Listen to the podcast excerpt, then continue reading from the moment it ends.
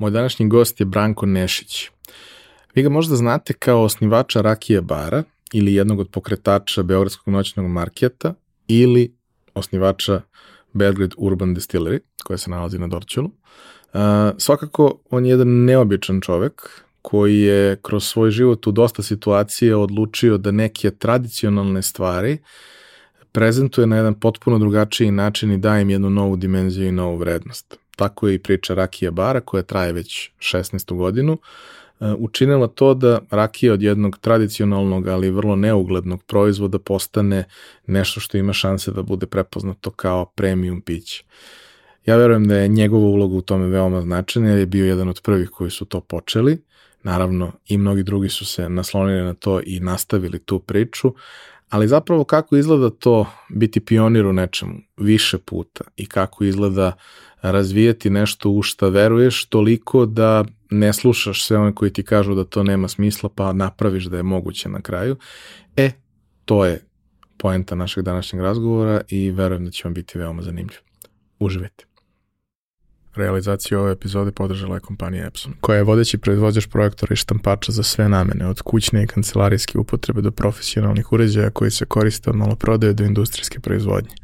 Već 20 godina u nizu proizvode najbolje projektore na svetu, a prvi štampač napravili su pre više od 50 godina. I dan danas svaki godin ulože preko pola milijarde dolara u istraživanje i razvoj novih proizvoda sa fokusom na održivo poslovanje i očuvanje životne sredine. Upravo zahvaljujući tome, njihovi inkjet uređaji najnovije generacije prave 94% manje zagađenja od konkurencije uz maksimalan kvalitet otiska. I vaš mobilni telefon koji sada nosite i na kome nas možda slušate i gledate, najverovatnije je napravio robot koji je stigao iz Epsonove fabrike. Roboti su super. Japanski roboti pogotovo. Za slučaj da želite da nas podržite vi individualno, uh, možete da posetite link u opisu podcasta na platformi Buy Me a Coffee i tu možete kupiti mesečnu pretplatu ili jednokratno donirati neki jednost koji želite. Hvala vam unapred na tom.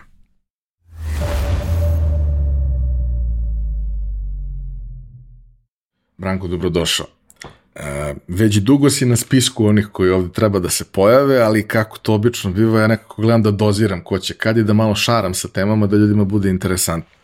I jezda rakija baš i nije neka letnja tema, ali tako se potrefilo da smo sad uspeli da se, da se organizujemo i da se vidimo i meni je neverovatno zadovoljstvo i čast što si ti danas ovde, što ćemo ispričati tvoju priču koja je vrlo neobična kao i mnoge priče koje su bile u pojačalu, ali je karakteristično zato što je od nekih lepih tradicionalnih stvari kojima bi se neki normalan narod ponosio, napravila nešto za ponos, jer mi očigledno ono, po defaultu nismo bili sposobni da to uradimo. Ko ne zna, ti si čovek koji je koji stoji za brenda Rakija Bar, ti si čovek koji je pokrenuo Beogradski noćni market i Belgrade Urban Distillery i svašta nešto još pričat ćemo o tome, ali to su neki brendovi po kojima si najprepoznatljiviji i oni su vrlo uh, vrlo distinktivni u odnosu na, na sve ostalo što postoji i mislim da je to zapravo uh,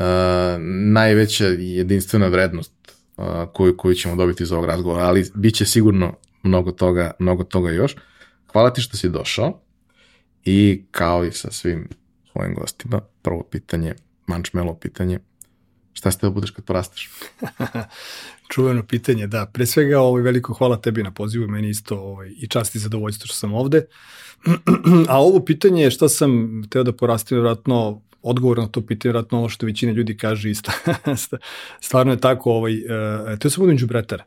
Na, na, prosto je, uh, oni momci na kamionu, kako se vešaju, uvek se smeju, meni je to uvijek bilo mnogo zanimljivo i kad god prođu, kao wow, mislim, ovi kao nešto rade, ali a u stvari e, e, verovatno me je privukla ono kao i sve klince, ono mislim, uh, ona uniforma, onda čitav taj, da kažemo, skakutanje, kačenje na kamion itd. itd.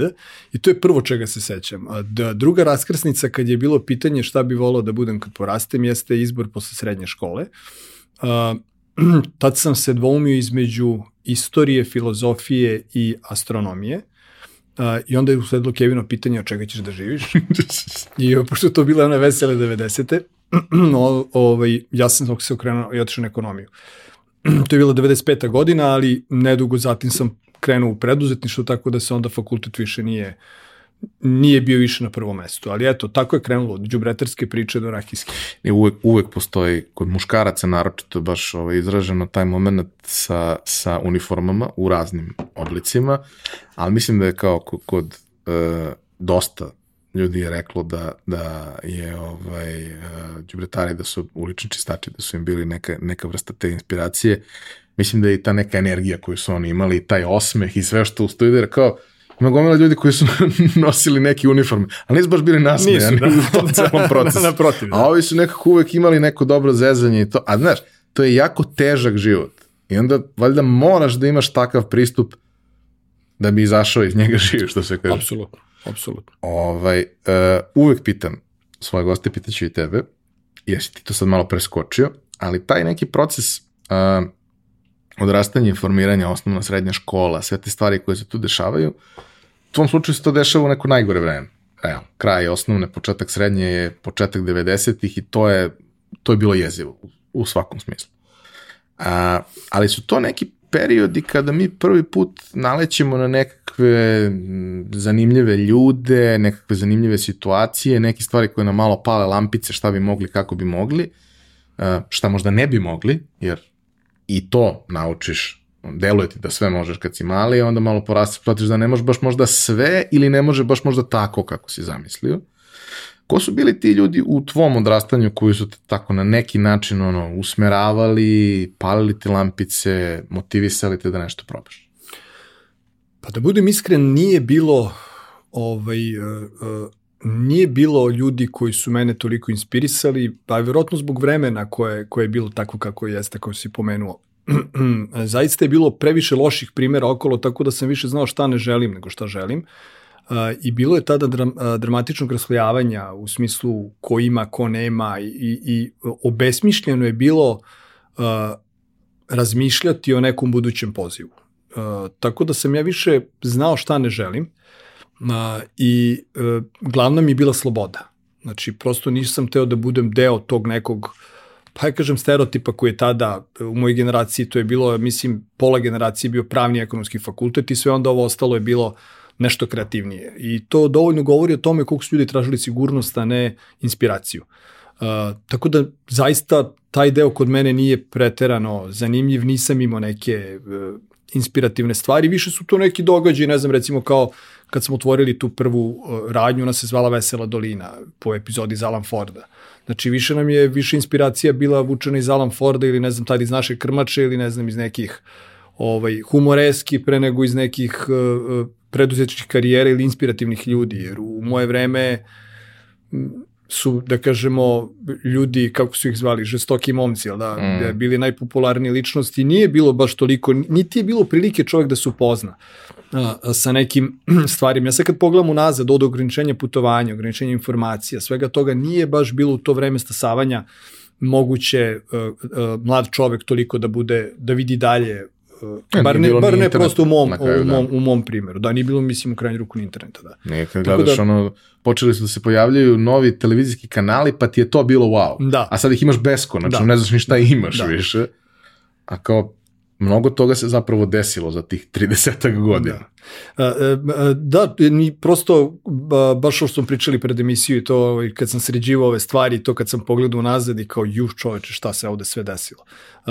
Taj razvoj zaista se ubrzao to od 2000-ih, bar u mojoj situaciji, jer ovo sve 90. su bile stvarno jedno magnovenje, ovaj, puno puno tih nekih političkih i raznih drugih uticaja, manje te neke preduzetničke priče, inspiracije.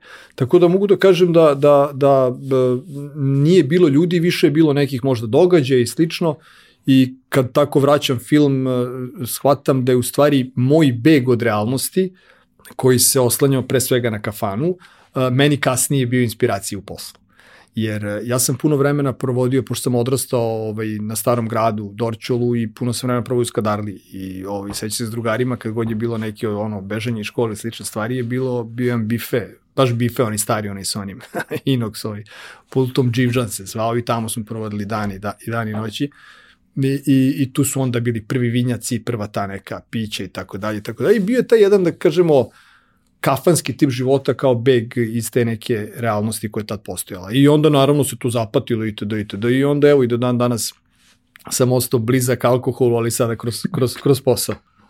Um, 90. su bile preživljavanje. A kad se baviš preživljavanjem, ne baviš se lepim stvarima. Baviš se samo onim što je neophodno da se desi da ono, održiš život i da opstaneš i tako dalje. I onda, kako se to lagano vraćalo u neku vrstu normalije, ko kod nas normala suštinski ne postoji, ali su se stvari malo smirivale, po, počeo je da se otvara prostor za neke neke bolje stvari, počeo je da se otvara prostor da ljudi pokušaju nešto, pa obično to kad pokušavaš, a nemaš pređašnje znanje i iskustvo na koje možeš da se osloniš nekoma kada te posavetuje i tako dalje, to dosta teško ide. Mi sad imamo, kažem, bez obzira na sve krize i ratove i sve, mi imamo 30 godina preduzetništva realnog. Znači, možeš da kažeš, ok, neko ima 3000 godina, neko ima 300, mi imamo 30, ali postoji bar tih 30, pa možeš da pitaš, možeš da saznaš nešto, formirao se nekakav ono, korpus znanja i iskustava, odakle možeš da izvlačiš nešto. Ove, međutim, u tom trenutku suštinski ništa od toga nije postao. Kako si ti uopšte došao do, do ideje da pokreneš nešto? Pa bila je potreba, pre svega, upravo ta želja da, želja da budeš slobodan. Kad gledaš da su ljudi radili ono, ne znam, profesor na fakultetu koji kaže ja sad zbog ovog predavanja nisam razmenio na vreme svoju platu marke i popodne kad budem otišao, kaže, kod mog dilera, ovaj, moja plata će biti prepolovljena. I uh, predavao je teoriju cena. I, uh, Baš dobar predmet. Upravo to. I, I bilo je tako nekih ono neverovatnih primjera koji te apsolutno demorališu kada je, kada je u pitanju uh, karijera i nešto sad ti trebaš da sebe vidiš negde. La. Tako da ja sam tada već ono rekao ja ne želim da budem deo ovoga, želim da napravim nešto za sebe i krenuo sam praktično od dedinih podruma u Dobračinoj, gde smo živeli, gde je sada Rakija bar. Uh, krenuo sam da uh, od jednog, prvo smo napravili jednu, od, to je bukvalno bilo stanica za istoru uglja. I onda smo brat i ja pozvali ovaj, ortake i mi krenemo tu, a sređujemo. to je jedno, to je šest kvadrata bilo. I tu smo napravili prodavnicu i prodavali smo sve i svašta, ono, pivo, cigarete, ovako, skupljalo se društvo i tada i to se zvalo Vesela dolina i onda smo posle krenuli da, da otkupljujemo podrum po podrum ovaj, e, i morali smo, tad nije baš bilo ni kredita kao danas i tako dalje, smo morali da prodamo stan da bismo otkupili te podrume i tako dalje i tako dalje i tu smo napravili lokali da kažemo to je bila prva prečka priča iz moranja, više nego iz neke velike želje. I znaš kako, hoćeš sortacima da izađeš, hoćeš platiš pivo, tako pošteno to da zaradiš itd. I to je bila tad neka opcija koju sam ja izabrao. I, i onda je to poslušlo u krv i e, kasnije i onda se paralelno studirao, radio i tako dalje, tako dalje, da bi kasnije se ipak skroz opredelio za preduzetništvo. I onda od te prve radnje, to je znači 97. 8. Vesela dolina, posle toga ide ovaj, e, neki niz godina kad mi to izdajemo, hoćemo, nećemo da radimo i tako dalje. I posle već nekog trećeg izdavanja, kažem, brozeru, mislim, mi ovo, otprilike, ako nastavimo da izdajemo, bit će javaško, jer svako ono proba šest meseci, izađe proba šest meseci. Rekao, ajmo mi nešto sami da radimo i tako dalje. I jednom da sa tad se pojavio, rekao, hoću da napravim kafić. I mi kao, ajde, što bi on radio kafić pored nas, mislim, koji smo odrasli tu i tako dalje. Jer mi kad smo imali tu prodavnicu u Veselu Linu, to su bile fantastične, mislim, stvari, zato što prvo pijemo 20 nešto godina, tu se skuplju ortaci, tu se napravo zaista, još one demonstracije, ono, 97. 8. Tu prilike je bilo stecište za sve događaje u gradu, prvo se dođe kod nas, ono, krizni onda se, štab. krizni štab, baš tako. I ovaj, sad možda zamisliš koliko je to ono u šest kvadrata kad se skupi, ne znam, 30 ljudi. Mislim, to je haos. I I tu smo zaista imali ono fantastične epizode, pa čak i, i, onih nekih ono, potpuno suludek scena, ne znam. Taj lokal se nalazi tu i nama je magacin nisu tamo u podrumima, da, i ta prodavnica je što nismo otkupili te podrume, smo imali tu prodavničicu i pozadi smo imali naš podrum, da. Između su bili podrumi ostalih ovih stanara i tako dalje, koji su 99. bili puni ljudi koji se sakrivaju u bombardovanju i tako dalje. I sad, mislim, kao uredno radimo, tu sad dolazi društvo i s jedne strane ispred lokala se skupljaju ortaci, tu se pije pivo, časka se itd. A pozadi su ljudi sakriveni u podrumu. Mislim, bilo je potpuno, to je bilo vrlo, vrlo živopisan ovaj period i a, a, da ti pravo kažem, nakon toga uh, smo hteli da mi praktično celu tu ekipu, celu tu energiju prevedemo u gostiteljstvo i to se nije desilo. Desilo se potpuno suprotno. Mi smo sada kao, uvek je ovo bilo pivo na gajbi, druženje itd. I sad kad je to umesto velikog došlo do onog malog piva i da se sedne i da se druži itd. To se nije desilo. I uh, sećam se, brat i ja gledamo Liga šampiona, petak, pivo, TV, mi sami lokalu i moja tadašnja devojka, današnja supruga, ovaj, tad je Strahinća Bana bila popularna ulica, ide sa društvom dole i kao, čao šta radite, rekao ništa, evo, gledamo teku, gledamo što niko ne ulazi otprilike. I, ovaj, I tu mi ništa sada da skratimo, otvorimo mi tu temu, ona kao, pa otprilike trebaš da radiš ono šta voliš i tako dalje, kao pa volim kafanu, volim rakiju i da ona kaže, pa dobro, otvori rakija bar te kažem, ća, vidiš, ne razume ona žena kafanu, ne razume rakija, karirani stolnjak, plehana pepeljara i to sve. Ja nje sad nju objašnjam, jer ona nije, nije rođena niti odrasla ovde. Ja sam im pokušavam da tu kafansku tradiciju predočim i šta je rakija. I ona me onako vrlo iskreno naivno pita, a zašto? Ja, hm, otprilike, I, I tu krene sjelica se pali i onda krene ta priča cela. U stvari da mi napravimo uh, da tu svoju ljubav prema rakiji i kafani prosto ispričamo na drugi način i tad počinje epizoda Rakija bara koja evo i do dan danas traje koja je posle otvorila mnoge neke epizode. Ali to je otprilike taj neki period i, i, i moj ulazak u preduzetništvo koji je bio znači iz moranja tu negde krajem 90-ih do neke 2006. kad je Rakija bara nastao zaista kao iskrena želja i tu me zaista počinje ta to preduzetnička taj roller coaster, ona vožnja koju ti ne možeš da odbiješ. Tako da do tada je bilo egzistencija, a od 2006. Rakija bar onda je to već bila ljubav i, i, i zanesenost. Taj moment e, da uzmeš nešto što je obično i da ga učiniš drugačijim e, je zapravo magija koju, koja tebi jako dobro ide od ruke. E, rakija je nešto naše duboko tradicionalno sa jako dugom istorijom i to sve, ali pričali smo i u epizodi kad je bio ovaj, Ilija Malović iz, iz Rakije uglavnom, koliko zapravo smo mi to, a i mnoge druge tradicionalne stvari um, zapostavili, nikad ih nismo predstavili na pravi način, vrlo često ih ni podaštavamo i tako dalje, dok bi se neko drugi prema tome odnosio na dosta drugačiji način. I taj moment zapravo, kada ti počinješ sa time, ako gledamo neku vremensku liniju, ti počinješ otprilike 5, 6, 7 godina pre nego što kreće neka renesansa te scene.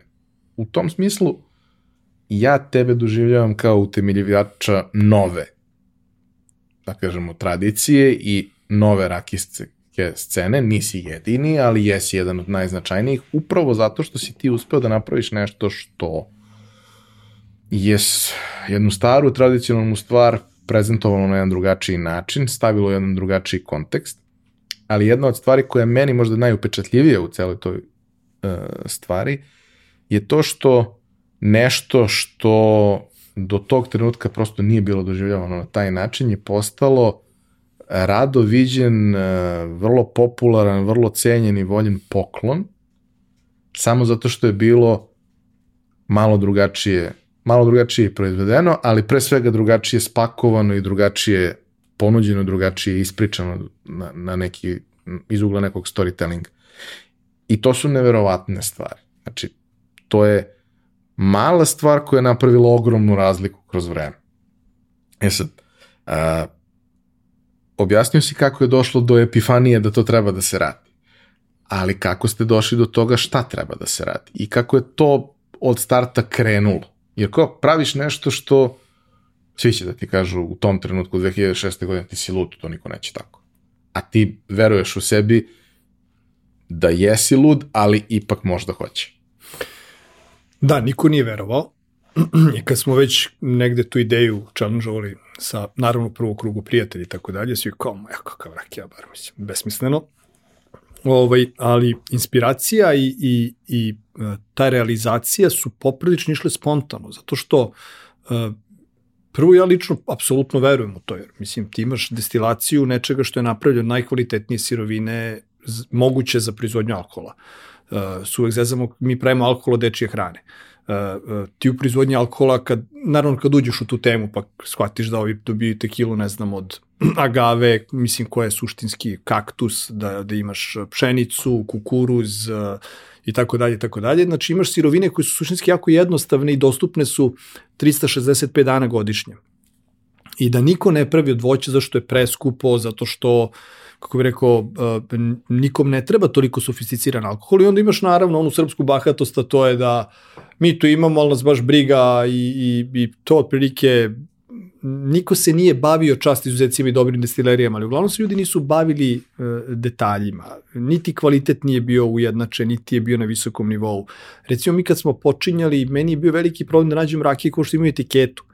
Da, zato što e, postoji onaj pad velikih e, društvenih kompanija bivše Jugoslavije, Navi, Prokupac, Rubin i tako dalje i tako dalje i e, nedovoljno sazrevanje privatnih destilerija da uopšte imaju ni količinu i kvalitet, da ne pričamo o nekom dizajnu, brendu i tako dalje.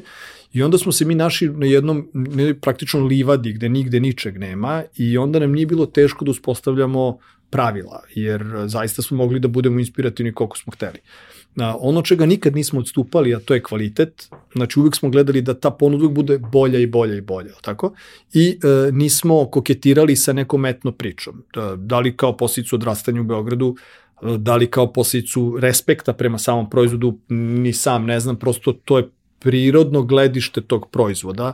Normalno je će neko sa Zlatibora da, da to doživi na jedan način, neko iz Vojvodine na drugi način, neko iz Beograda na treći način, ali ono što, što nigde nismo koketirali, nismo, nismo kako rekao, pravili od toga cirkus. Znači, rakija bar je vrlo brzo postao toliko popularan da mi da smo koketirali, vratno smo mogli napravimo jako veliki novac, da, da smo ono, šećerne neke vodice prodavali i uključili neke uh, ovaj, uh, uh, narodnjake, to bi sigurno bilo popularna kafana. Ali ne, baš smo išli u, u smerenju da ta rakija uh, bude onakva kakvu je mi vidimo, a to je kao jedno vrhunsko piće koje zaslužuje zaista jedan poseban tretman. Tako da to je to vrlo jedan spontan pristup onako ovaj, što kažu lepota i u oku posmatrača. Mi smo to tako videli, to su tako ovaj, prezentovali, ljudi su to prepoznali i do dan danas to prepoznaju u smislu da, da se ne postavlja pitanje u rakija baru uh, šta se toči. Postoji taj moment, uh, ja sam tada 2006. 7. da kažem počeo malo više da radim sa ljudima iz inostranstva, povremeno su neki od njih i dolazili i sve i tada je počeo da se javlja taj moment koji meni nije baš nešto bio ni pretvarano jasan, jer nisam ja nešto mnogo ni izlazio pre toga, posebno u tom nekom ozbiljnijem kontekstu. Izlazio sam izlazio, ali to, to nije isto. Ovaj, I tada sam shvatio koliko zapravo stranci cene to što mi imamo, a mi vrlo često ne, pa se onda, jeli, kad vidiš da dva puta neko pita za to, onda se raspitaš šta valja i onda ti kažu žuta osa je najsigurnija opcija i onda ono, kupuješ to na poklon, nosiš, svi se oduševljavaju. U principu, prvo imaš, imaš jednu stvar koju možeš da kupiš. Nije baš tako, ali ono, ne znam, bila je žuta osa, bila je stara Sokolova, kao to ste dve... dve Viljamo u... tako, da. Da, ovaj, to ti je kao bilo ono, ono negde glavno. Ali taj moment kao vodiš ih u neki dobar restoran i sad od svega ima izbor beskonačan, a ovo je e, rakija kuće, e, hoćete, ne znam, ono, šljivu, lozu ili šta već, ali može nek, dve rečenice samo da im damo neki kontekst, pokoj nema dve rečenice, to mi nabavljamo tako i ko to je to. I, Gazdina. I to sve. To je baš onako bilo, znaš, taj neki period 2006. 7. 8. bilo specifično. Onda ste vi krenuli da, da radite, da se, malo ste se pročuli, pa je to postalo opcija za takve neke stvari. E, ajde idemo na klop, klopu, sve to u redu, ali posle odemo da vidite i da se kupi nešto u šopu i da imate za uspomenu i tako dalje. I sad, kažem, iz mog ugla, u većini slučajeva su na takve stvari sa oduševljenjem reagovali stranci. Ni, nije bilo mnogo slučajeva u mom okruženju, ja jesam tad bio i dosta mlađi i sve, mislim i ti, svi, svi smo bili, jel?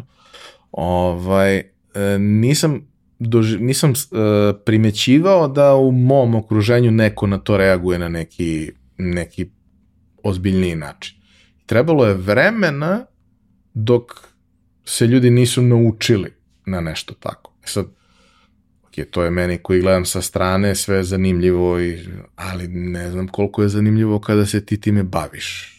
Kada čekaš da neko prepozna, radiš ti na tome, ti aktivno komuniciraš.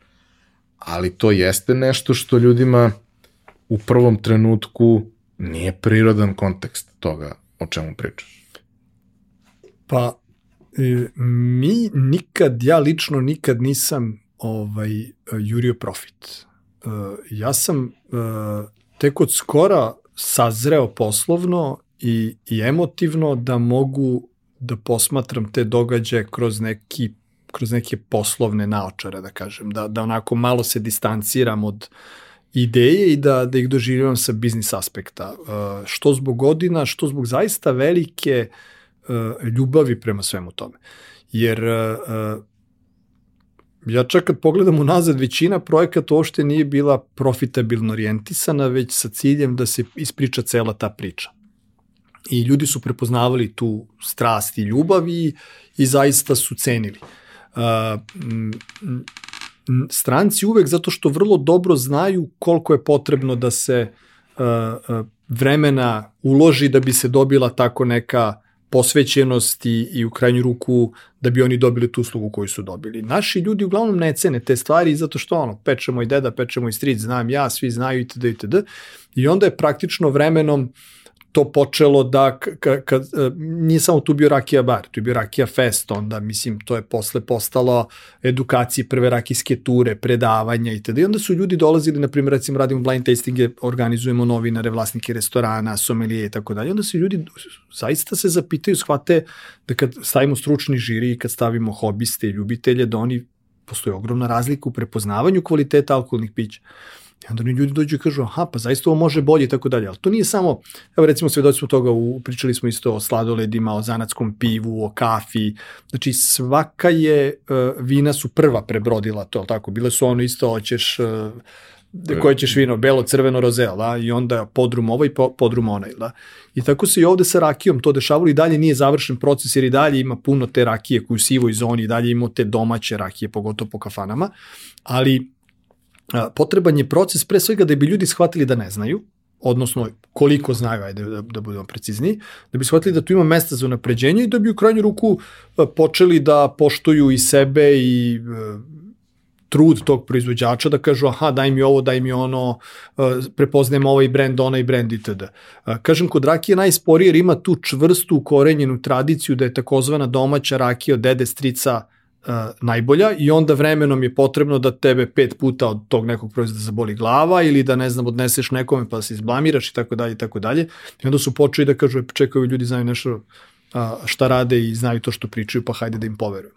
Tako da eto, sporo je bilo, ali mislim danas je, ja kažem, ja sam među prvima koji je bacio tu grudvu, danas je to jedna lavina. Danas ima stotine destilerija, utrkuju se sa najboljom ambalažom, kvalitetom, specijalnim servisom. Danas je potpuno normalno odeš u bar i da kao koju ćeš rakiju. Pa pijem ovu, ovu, ovu, mislim to ranije bilo, nije bilo moguće. Kamo li u kafiću da naručiš? Danas to je najnormalnije u klubu da naručiš rakiju, potpuno bilo nezamislivo.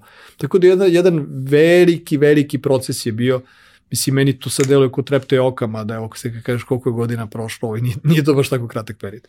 Ima i taj jedan moment koji jeste vezan uz uz rakiju, prosto zbog ono, socioistorijskog konteksta, ovaj, da razna ova druga pića koja pominjemo i druge neke oblasti u kojima je taj, ta kraft priča se izdigla, taj majstorski, prefinjeni moment se izdigao u prethodnom periodu, ono, uh, rakija ima lošu reputaciju po defaultu ima lošu reputaciju jer je vezana za neumerenost, pijanstvo i sve ostalo. I upravo taj moment što kao to je neka flaša bez etikete ili je to ili je to neka plastična flaša sa etiketom tako, za koju znaš tako, da nije tako, to u tako. njoj.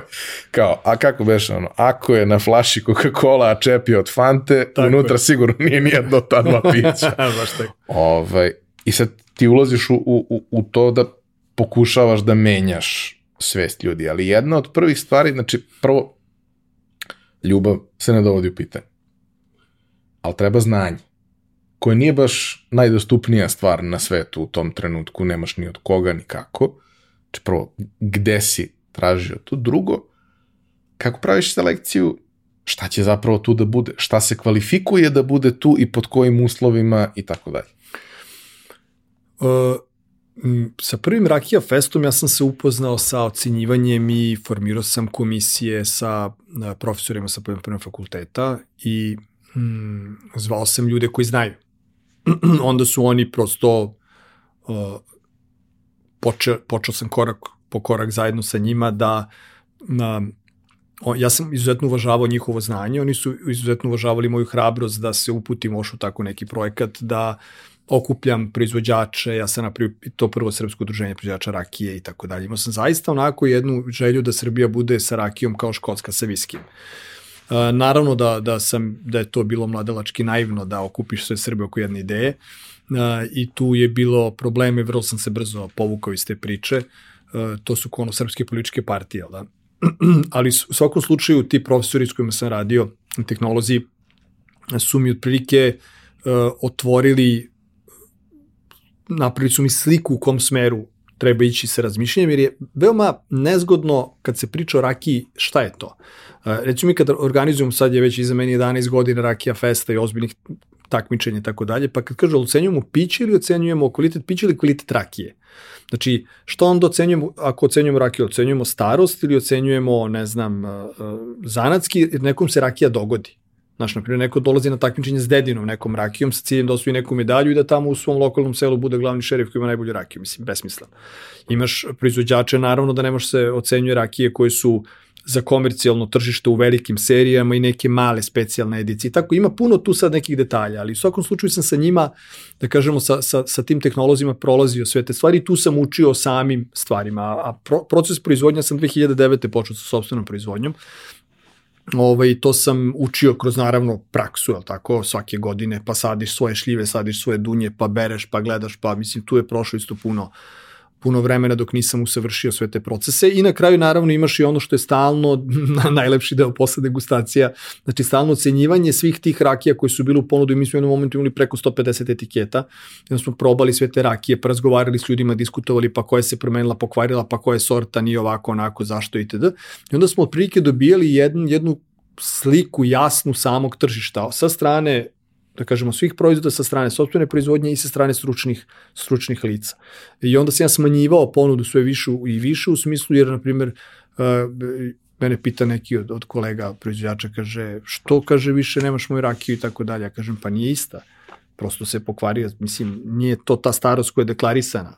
Jeste, jeste, jeste. Na kraju se ispostoji naravno da nije i tako dalje. Jer, uh, I onda na kraju do te mere sam ja otišao to da, da uh, da na kraju sam previše znao, ajde uslovno rečeno, da tako kažem. Mislim, bilo je više, rekao sam, ajde bolje malo se izvučemo, ono, previše sam bio u, u, u tome i na kraju smo se od jednog zaista, sveli smo se na stvarno, ja kažem, rakija bari prijatelji. E, bilo je više nemoguće ispratiti toliki broj hobista, destilerija, subjektivnih stavova vezano za kvalitet. Dešavalo mi se da mi ocenjujemo rakije da, da i zaista se ispostavila ona izreka, kaže, možeš Srbinu seljaku reći da mu je žena ružna, ali ne da mu je rakija loša. Ima jako puno suete vezano za to. Kako? Pa ja sam dobio ovo, pa ovaj mi kumi kaže da je najbolji, tako da je tako. Tako da sam se na kraju malo i povukao iz tog ocenjivanja i svega toga, jer je ljudi veruju ono što žele da veruju, tržište na kraju krajeva daje konačan rezultat i to je to. Pa uvek imaš i taj moment da suštinski nije važno šta je objektivno najbolje, važno je šta se tebi sviđa. I u mnogim slučajevima Tako. te dve stvari se ne poklapaju. I u nekom procentu Tako se je. poklapaju, ali ne mora nužno da bude slučaj. Tako je. A, selekcija proizvoda od kojih ste krenuli, kako je napravljen prvi izbor onoga što će biti u, u Rakija baru i kako se to kroz vreme menjalo, pomenuo si da se menjalo, ali nekako meni su uvek najupečatljiviji bili proizvodi koji su bili pod vašim brendom. To jeste ona prava stvar. Ovo ostalo da. je nekakav dodatni kontekst koji je više pa, nego dobrodošao. Da, mi sa svojim brendom smo počeli tek 2012. 13. bez obzira što je 2009. počela proizvodnja. E, zato što smo stasavali mi kroz proizvodnju, učili, gledali gde smo i šta smo i danas je to dominantno u ponudi. Ali kad smo počeli sa tih preko, kažem, 150 nešto etiketa, sad slagaću te tačan broj više, 153, 157, na primjer, uh, uh, mi smo uzimali sve ono što, je, što se našlo na tržištu i rakiju od šumske jagode, od banane, i travarice raznorazne, i s etiketom ovakvom, pa etiketa sa šubarom, ne znam, pa etik, ova flaša sa šubaricom, pa flaša sa šajkačicom, pa ne znam, e, luksuzna, pa ovakva, pa mislim, tu je bilo svega i svačeg. I onda shvatiš da ti na kraju kad ne kaže hoću dunjevaču, ti mu kažeš koju hoćeš dunjevaču, imaš 20 dunjevača. I onda kreneš selekciju da vidiš tačno da koje se 3, 4 ili 5 izdvaju kao najkvalitetnije, da? Pa onda imaš ocenjivanje, takmičenje, prvi, drugi, treći, peti, rakija fest, pa se već pojavljuje tu, ko se ističe kao, ne samo kao dobra rakija, već kao dobra destilerija, znači može da ponovi taj kvalitet, mnogi ljudi nestaju, propadaju, većini je to bio hobi. Tako da nije bilo tu puno profesionalaca. I onda se tek, evo, u zadnjih deset godina se pojavljuju tek pravi profesionalci, od njih će vjerojatno otpasti sad veliki broj, jer je to, e, ne žive od destilerije, već žive od nekih drugih biznisa, ali se profes, imaju profesionalan pristup e, ovaj, e, proizvodnji. Tako da hoću da kažem da je u, u početku bilo hobistički, a onda smo se sveli na nekih 70 i nešto etiketa gde su bili kao best of, da bismo se kasnije sveli na nekih 30 etiketa, zato što i to best of je bilo besmisleno da ljudima daješ kao imaš pet dobrih dunja. Mislim, pa koju ćeš da ponudiš, ali da, nego smo onda išli na autentične ukuse, uh, uz ove uh, zanimljive banane, šumske jagode, ne znam, dinje i tako dalje, bresko i slično. E onda smo i to izbacili, da smo shvatili da i to, kako bih rekao, neozbiljno. Pa malo kvari Pa da, celu znači priču. e, suštinski šta u stvari ljudi očekuju kada dođu kod nas? Da li oni očekuju da probaju razne ukuse? Da, to možda žele proizvođači. Ja kao proizvođač želim da odem negde da uporedim moju sa pet osarih dunja, ali kupca to ne zanima, on kaže daj mi dobru dunju, daj mi dobru kajsiju, pogotovo strance. Oni ne znaju kada kaže šta je Queens, on ne zna šta je dunja, mislim, kamo li rakije od dunje da primeti razliku i nijanse neke. Tako da smo se na kraju sveli na osnovne voćne vrste, gledamo da imamo tu dobru uvek arhivsku ponudu, znači ovaj, pogotovo kod šljivovica i, i, evo sad smo u ovoj sad, da kažemo, najzrelijoj fazi, dajemo taj jedan kompletan raki experience gde se uopšte ne bavimo e, više rakijom kao vrstama rakije, jer ima toliko lokala u gradu koji to mogu da ponude, da mi ne moramo više time da se bavimo ne moramo da imamo ni 50, ni 100, ni ništa, znači mi se sad bavimo koktelima sa rakijom, čokoladom sa rakijom, imamo parfem od šljivovice, imamo uh, uh, naravno klasične rakije, imamo tasting menije, imamo slaganje rakije i hrane, bavimo se rakijom kao jednim experienceom, više nego m, samom, da kažemo, svim proizvođačima, jer ima toliko lokala koji to mogu da ponude, nema potrebe da se, mi si utrkujemo, da ćemo 400 raki ili 500 raki, mislim, besmisleno. Tako da, eto, prosto dajemo svoje znanje i iskustvo do sada kroz jedan jedinstven experience. A, jedna stvar koja, kažem, pomenuo sam to i malo pre i mislim da je vrlo značajno, to je taj moment ono, kad, kad učiniš svojim radom, smislom, idejom, dobrom estetikom, da to postane vrlo poželjan poklon. I to obično nisu bile to nije, nije 0,7 flaša nečega, nego su to one male flašice, to su ona neka drugačija pakovanja i to sve. Sada ima destilerija koje to rade. Odnosno ima destilerija koje to rade već neko duže vreme, ali ih nema mnogo. Ne znam, ja sećam se, to, to mi je uvek ostalo nekako upečatljivo kao prvo što sam ja video da se neko ozbiljnije bavio time, Zarić koji je imao tu varijantu uvek i flašice, ali i pakovanje da ti možeš da uzmeš pet flašica, a da ti je to lepo spakovano da možeš ga staviš u carry-on ili šta god da. da nemaš problem. Ovaj, to je nešto što je nekako, ne znam, meni, meni je to možda najbolji reklamni alat koji je postojao u, u tom smislu, jer, jer se o tome pričalo, jer se to poklanjalo ljudima, pa su onda to krenuli i drugi da kopiraju, ali nebitno, manje više se zna odakle i kako je krenulo.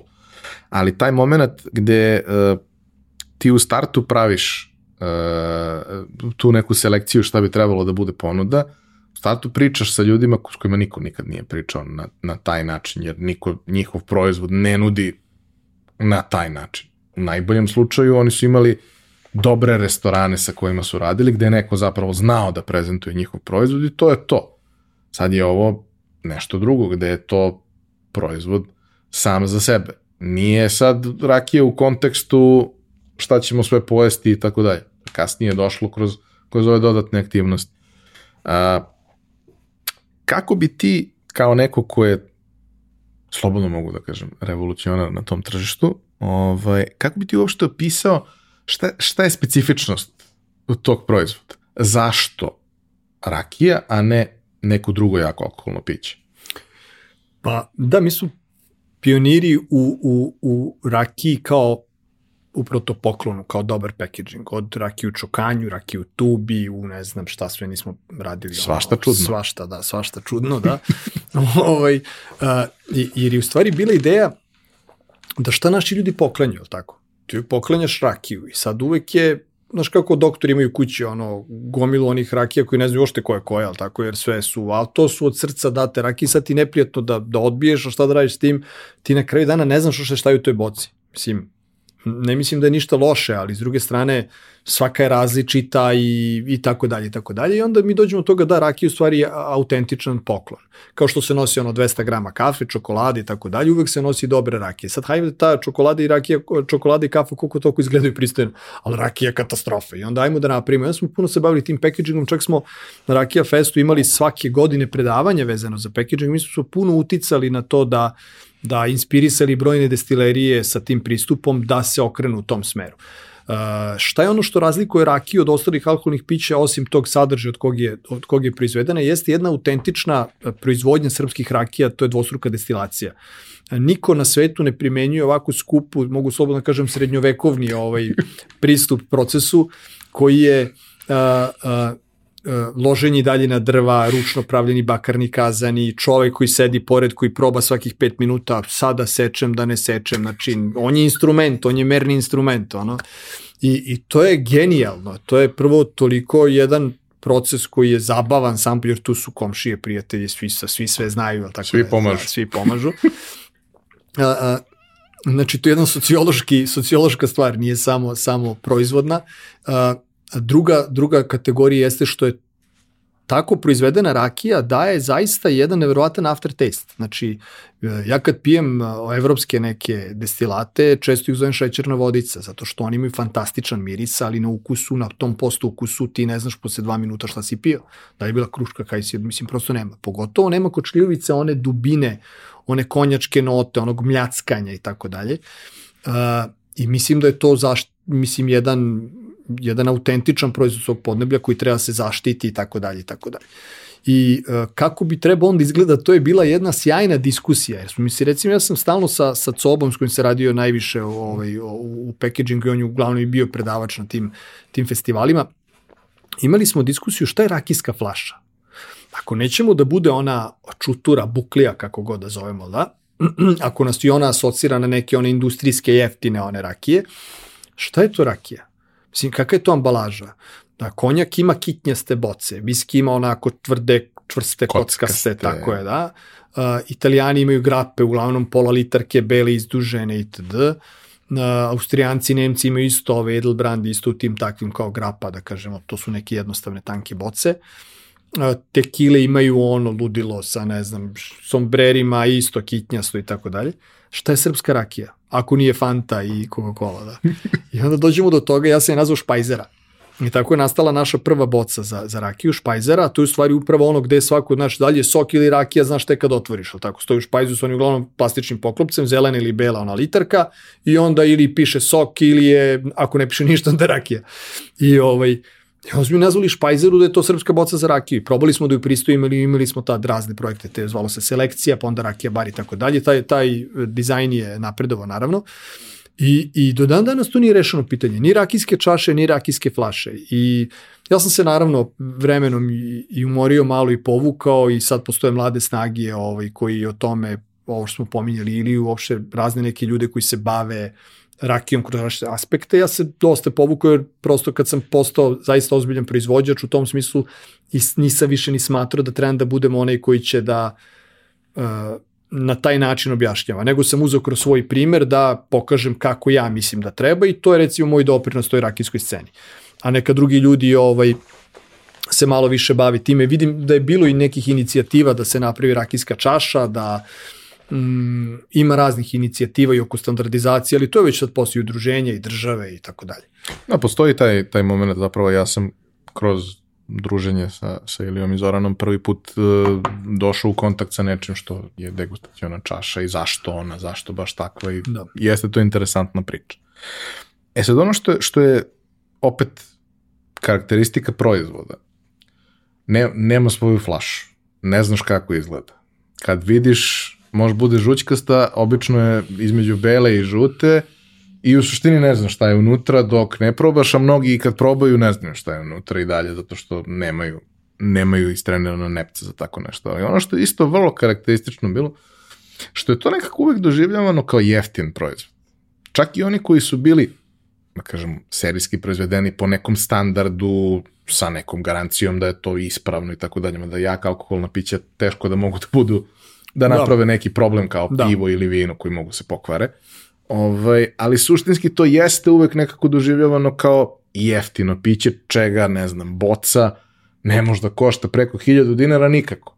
I ti kad odeš u, ne znam, pre 15 godina, odeš u tom trenutku metro ili tempo gde imaš veliki izbor, ne ove specializovane radnje, to je drugo, ali to nešto gde prvi put se na, na masovnom srećeš sa nekim većim izborom i piva i svega ostalog, imaš naravno viskije koje koštaju i na takvom mestu imaš viski od 100 eura. I imaš i onaj od 1000 i po dinara pa naviše, ali imaš i to, 100 eura, imaš konjak, imaš svašta. Ali kad dođeš u deo sa rakijama tada, nećeš naći ništa što je u četiri cifre napisano. Obično je, ne znam, ono, 699. I onda gledaš i razmišljaš, mislim, barem ja, gledaš i kažeš, dobro, mislim... Od čega li? od, čega li i kao, zašto je vino neko ne preterano dobro i mislim, ne razumijem se u vina, to isto dosta pomaže u tom procesu odlučivanja. Ovaj, kao, zašto je vino skuplje? Ok, jeste bolje spakovano, jer su ljudi ranije shvatili možda zbog te neke ono prefinjene priče koje ide uz vino. Ovo jeste bolje spakovano, ali kao ovo je mnogo zbiljniji proizvod, mnogo kompleksniji proizvod, mnogo zahtevniji proizvod, sirovinski, mnogo teži proizvod za, za proizvesti. I sad, ono, fast forward 15 godina unapred ili ne moramo čak ni 15, 7, 8, 10 godina unapred, mi zapravo imamo rakije koje izgledaju dobro, koje su sve sad, znaš, možemo pričati opet o nekim ličnim preferencijama i tako dalje, ali kao teško će se desiti da naletiš na proizvod koji izgleda sjajno, dobro je spakovano da je unutra loš. To će se teško desiti. Nije to toliko Slažem komplikovano se. i neće ljudi sebe da dovode u situaciju. Da li može biti još bolji? Sigurno, mnogi. Da. Ali desila se ta tranzicija. Desila se ta tranzicija da da, imaš i dalje rakiju od ono 300-500 dinara na litar preko prijatelja i tako dalje, ali imaš mogućnost da odeš kupiš dobar proizvod, dobro spakovan proizvod, da li u etno smeru ili u nekom drugom, nije važno, ali imaš izbor i toga. Neko želi da mu pokloniš etno priču. Stranci tako je, tako vole taj neki moment takođe. Tako je. Ovaj, kako je izgledala ta tranzicija? Jer ti si neposredno bio učesnik iz prvih borbenih linija da. za tako nešto. Pa znaš kako, a, a, ja sam uvek poredio ako ne može pras iz gepeka, ne može ni rak iz gepeka. Znači, e, moraš da imaš neku sigurnost u to šta piješ. E, druga stvar je bila argumentacija da smo mi na takmičenjem imali takmičenje Beogradski pobednik i najveće rakijsko dostignuće. Beogradski pobednik, to je nešto sam prvi u Srbiji, ovaj, a, to je da smo mi na ocenjivanjima, pošto sam ja često menjao komisije, zato što nisam dozvoljavao monopole komisija da sad ne ulazim u te stvari, ali poenta je da mi jako bilo važno da bude nepristrasno ocenjivanje. To je u interesu struke, u interesu publike, u interesu svih. Tržišta. Tržišta, apsolutno. Međutim, to baš nije dobro shvaćeno, jer kao, kao što bi to bilo, da? Međutim, je to zaista bilo jako bitno i, i, i čak se i medijski to forsirao da ljudi dođu da vide, da učestvuju u procesu itd. Šta mi radimo? Daju nam proizvođači tri adrese gde njihov proizvod može da se kupi. Kupimo imamo naravno fiskalni račun, dokaz gde smo kupili, kada smo kupili i uh, to smo naravno radili blind tasting, znači maskirali smo flaše, imali serijske brojeve, niko nije video odakle se šta sipa itd. I dobili smo najobjektivniju moguću ocenu rakija koje se nalaze na tržištu. Uh, s druge strane imali smo najveće rakijsko dostignuće, a to je da nam ljudi šalju rakije koje oni da li su dedine, njihove, 20 godina stare, godinu dana stare, nije ni bitno. I radili smo paralelna, znači dve kategorije. Dugi niz godina se ispostavljalo da rakije koje se kupuju u slobodnoj prodaji su boljeg kvaliteta u ukupnom zbiru od rakija koje nam šalju domaćini. I tu sam shvatio da su profesionalne destilerije napravili značajan iskorak, da su sa školovanim tehnolozima, sa upotrebom kvasaca, enzima i svih ostalih elemenata koji su neophodni za kvalitetno dobijanje voćnih rakija, oni prosto toliko odmakli u kvalitetu u odnosu na takozvane domaće ili ne brendirane rakije, da to je sad samo potrebno da ljudi shvate i da više nikom neće pasti na pamet što se evo već masovno dešava u kafanama kad mi kaže uh, uh, i koji rakiju imaš imam domaću, ne hvala, daj mi vino, pivo, šta god, daj mi viski, la. Da, moji prijatelji su potpuno preusmereni, kažu više ne možemo bilo gde da pijemo rakiju. Zato što smo, oštetio si. Da. Jasno. Kaže, navikli smo se na taj taj kvalitet i to je nesumnjivo. To ne samo ja sa svojim proizvodima, nego sve ove zanatske destilerije, sve kolege E, masovno i to, to je samo pitanje trenutka kad će se u restoranima ukinuti kao nekad vino što više nema domaće, al tako, tako nema, neće biti ni domaćih rakija. Jer nisu ljudi e, ni glupi da ne znaju šta je kvalitet, e, nego prosto je pitanje da li su oni platežno sposobni da to sebi priušte. Tako da domaće rakije su ok za kućnu upotrebu, ali mislim da na tržištu realno ne bi smele da se pojavljuju jer uh, Svaka rakija koja se nalazi u prodaji je prošla hemijske analize, ima kontrole, ima HCCP standard u proizvodnji, ima tehnologa koji stoji iza toga, dok ovo što mi kupujemo ili dobijemo od prijatelja ne znamo šta je stavljeno, da li tu ima primesa bilo kakvih, to nikakvu kontrolu nigde nije prošlo. Ja sam posljedam pitanje ljudima, ako ne pijete domaće pivo, ako ne pijete... I ima mislim, ljudi koji piju domaće e, pivo. ja ne bih, ali znam ljude koji su probali. Ima fanatik uvek i to je sve ok, ali statistički gledano ljudi žele, uh, kako bih rekao, žele zaista nešto što je prošlo određeni sistem provera. Tako da ja ne sumnjam u budućnost srpskih destilerija rakije, samo je pitanje tržišta koliko će biti potrebe za time i koliko će to koštati itd. Ali eto, to je bio neki razvojni put. Znači, uh, ocenjivanje, kvalitet, uh, zaista jasno dokazano statistički, kako god hoćemo to da zovemo, da su rakije koje se nalaze u slobodnoj prodaji bolje od domaćih rakija.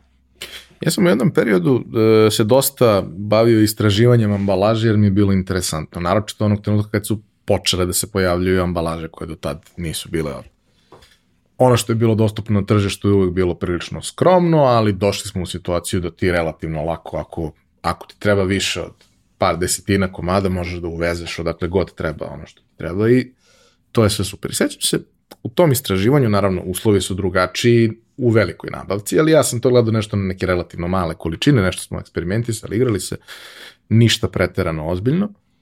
Sećam se da na, na nekoj uh, manjoj skali i za, ne znam, tegle, i za flaše i tako dalje, imaš ta neka default rešenja koja 90% ljudi koristi tako nešto i one su bukvalno džabe. Znači, to je ono velika tegla, sve sa poklopcem, to 13 dinara. Dobro. Ali vidiš teglicu koja je prelepa, Znači, ono, ok, verovatno nije za neki proizvod koji će se prodavati u nekoj velikoj količini, ali ako je nešto malo finije i to sve, ima smisla i kao koliko je 117 dinara. Mhm.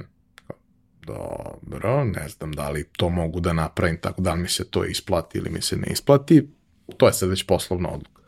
Ali kod flaša to isto bilo vrlo karakteristično. Imao si svašta nešto od tih defaultnih oblika, Ove, onda su počele da se pojavljaju te malo ozbiljnije, deblje, drugačijeg oblika i tako dalje. I ti sad gledaš i kažeš, pa dobro, ovaj, mislim, ovo što treba upariti sa dobrom etiketom i folijom i tako dalje, sve, sve, sve, ali kao ova flaša košta 300 dinara, 500 dinara košta flaša prazna, treba da napuniti nečem, to treba da izađe pred... I taj moment, ono, kako, kako su ljudi uspeli da prezupče da ne mora da košta 1000 dinara, da može da košta 2, 3, 5 i da ne mora, ako košta 5, da ne moraš da razmišljaš o tome da moraš prodaš 100.000 boca. Ne moraš ni da proizvedeš 100.000 boca. Da je okej okay da proizvedeš 1000 godišnje, ali da imaš nekakav premium standard po svakoj osnovi i po tove i Posebno što kod, kod rakije postoji jedna divna stvar koja ne postoji kod mnogih proizvoda. Neće da se pokvari. Ne moraš da je prodaš ove godine ako je slabo, slabo ide tržište. Neka odstoji godinu dana, neće ništa da joj fali, sledeće godine će se prodati, ti ćeš možda nešto promeniti u narednih godinu dana, bolji, da. refokusirati se i tako dalje, ali kao ne moraš da razmišljaš po svaku cenu da se to mora da se desi jer ističe rok ili nešto slično. Ne, ne postoji.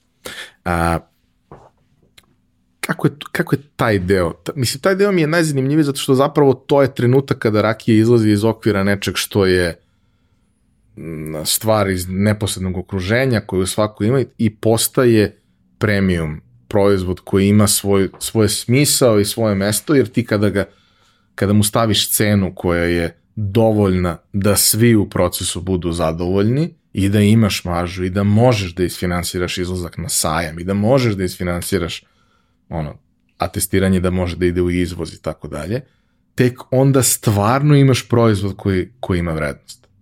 Sada je to postalo dobar dan, jer imamo track record koji govori da je to moguće. Ali praviti taj track record nije baš bilo jednostavno. Kako je taj deo izgledao? Pa, mi imamo sreću kao svi proizvođači da u poslednjih sad već ne znam koliko godina, dolazi do te premiumizacije na tržištima uh, u svim kategorijama. I mogu da se kupuju i piva za 400-500 dinara, što isto bilo nezamislivo, i ne znam, čokolade, i sladoledi, i, i vina i tako dalje. Kod vina još manje više, to i ranije su ljudi bili spremni da plate, plate velike cene. A, tako dolazi kod rakije. Znači, ljudi prosto su spremni ko je platežno sposoban da, da sebi priušti kvalitet. A, a, ono što je bilo izazov jeste da a, se objasni a, da se objasni na osnovu čega je to tako. I mnogi su izlazili sa vrlo starim destilatima, a, što a, bi sve kroz ovu tvoju konstataciju a, a, bi se nadovezao Uh, mislim da to bila greška i uh, mislim da su mnoge destilerije pogrešile jer su izlazile sa starim destilatima gde nisu mogli da ponove kvalitet. Jer ovo što pominješ da, da može da se proizvede manja količina po većoj ceni, da, ali pitanje je koliko takvih kupaca ima u Srbiji. I, I u toj premium kategoriji je velika konkurencija. Ima puno rakija starih 10-15 godina. I ono što je problem što svi žele da uđu u tu kategoriju, a ne može se jedna destilerija, sad pričam i profesionalno u smislu uh, biznis nekog aspekta proizvodnje voćnih rakija, ne može se živeti samo od premium kategorije. Iz prostog razloga jer za premium kategoriju su potrebni dugi, dugi niz godina. Znači, za, za jedan kvalitetan destilat od šljive treba 10 plus godina i ne samo za, znači, tu jednu šaržu, nego treba stalno pratiti sa ostalim količinama, znači koja je to investicija potrebna da čovek sad ima zalihe starih rakije, da čeka 10 godina i da 10 godina proizvodi za džabe i da ulaže i ulaže, ulaže i tako dalje. Znači, to je neodrživo iz razloga jer a, m, tržište rakije, pričali smo isto pred emisiju, kad se mojim prijateljima rekao nemojte to da radite. Ja i dan danas kad me zovu ljudi iz e, amateri kad hoće da uđu malo zbiljni posao i kažem nemojte da ulazite u to. Znači, mnogo jednostavnije raditi, baviti se drugim poslom, zato što je jako skup biznis, zahteva jako puno novca koji je zarobljen u destilatima, slažemo se da nema rok trajanja, da povećava svoj vrednost i tako dalje, ali m, tržište je 80% tržište rakije u Srbiji je po zvaničnoj statistici sivo, odnosno crno tržište. Tako da, zašto bi neko ulazio da se bori za onih 20% među stotinama i stotinama destilerija? Zato mislim da pogotovo sad evo čet, i vinari sad ulaze u destilacije jakih alkoholnih pića i onda se to poveća broj, se, toliko ima rakije da, da je to sad potpuno nisplativ biznis po ovom mišljenju. Mislim, mi koji smo tu već uveli i tako dalje, koji smo već prošli te ovaj, dečije bolesti i manje više I obrnuli ste taj ciklus tako, od 10 tako, godina. Tako je, preživeli smo, pretekli smo, da. Ali ovi novi destileri koji se pojavljuju zaista jako teško. Znači, prvo, puno, opet kažem, rakije na, na crnom tržištu nema toliko platežne moći za visok kvalitet. U premium kategorijima puno konkurencije i za tu premium kategoriju zaista moraš da si ozbiljan i u packagingu i u svemu. Meni se često dešava mi ljudi kažu, ej, kao, imam super dunjevaču, ne znam, 600-700 dinara. Ja kažem da evo ja ću da je kupim, jer mene toliko košta proizvedem. Mislim, potpuno, ja sam sadio svoje dunje. Nama treba 18 kila leskovačke dunje kad, kad izbacimo semenu ložu i sve, znači uz, uz potpuno vrhunska enološka sredstva nama treba da dobijemo litar rakije, 18 kila.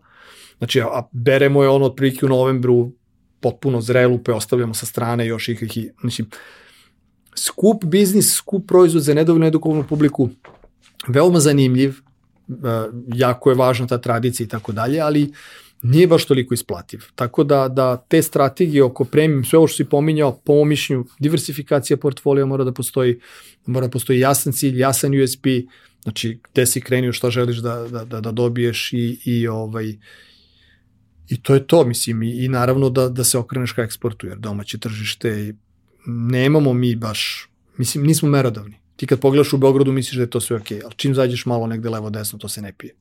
To se ne pije i, ok, taj Beograd je opet 20% tržišta. Mnogo lepih 20%, Jest. ali ostalih 80 to Jest. ne zanima. Jest. Tako da je to svakako ovaj challenge. E sad pominjao si trenutak, uh, da kažemo relativno brzo nakon, nakon otvaranja cele priče, da ste ušli u priču sa sobstvenom proizvodnjom kojoj je trebalo neko vreme da dođe do, do publike i tako dalje, ali šta si tu naučio? Prvo, zašto si uopšte krenuo u to, a onda šta je bila prosto neka ideja, jer kao sobstvena proizvodnja podrazumeva dosta tih koraka koje nisu samo sipaš u flašu, zatvoriš, da. nalepiš etiketu. Pa sobstvena proizvodnja je po, prvo e, dva razloga. Prvi je e, što se nama, opet kažemo, tog velikog broja rakija, e, svaka stota flaša je bila drugačija. I mi smo imali ozbiljan problem sa našom reputacijom, da ja garantujem za neki brend i preporučujem ga i onda vidim da to više nije to. I onda te se pokvario ovaj, te ovaj, te ovaj, te ovaj. Onda se oni vrate, mislim, to su, suštinski ne kažem da je to padao, ali samo oscilirao. I onda ti nikad ne znaš sad šta je to što ti reš ponudiš, pod broj 1. Pod broj 2, što je tu tržište nerazvijeno, nema tačnih cena, nema nekog odnosa cena, kvalitet i tako dalje. I ne kažemo, ok, ajmo da probamo onda da imamo i sobstveni, mislim, ajde uđemo u tu proizvodnju, da probamo da bar nekako imamo neku sigurnost oko svega. I paralelno s tim se dešava da od uh, roditelji, od uh, moje supruge imaju imanje na jugu Srbije koje je, pa je kažemo, nije, nije, nije maksimalno iskorišćeno, ajde, i jedna, da sad ulazim u te neke privatne razloge, pojavila se jedna potreba u stvari da mi dole podignemo proizvodnju. Ne bili to celo imanje živelo i tako dalje.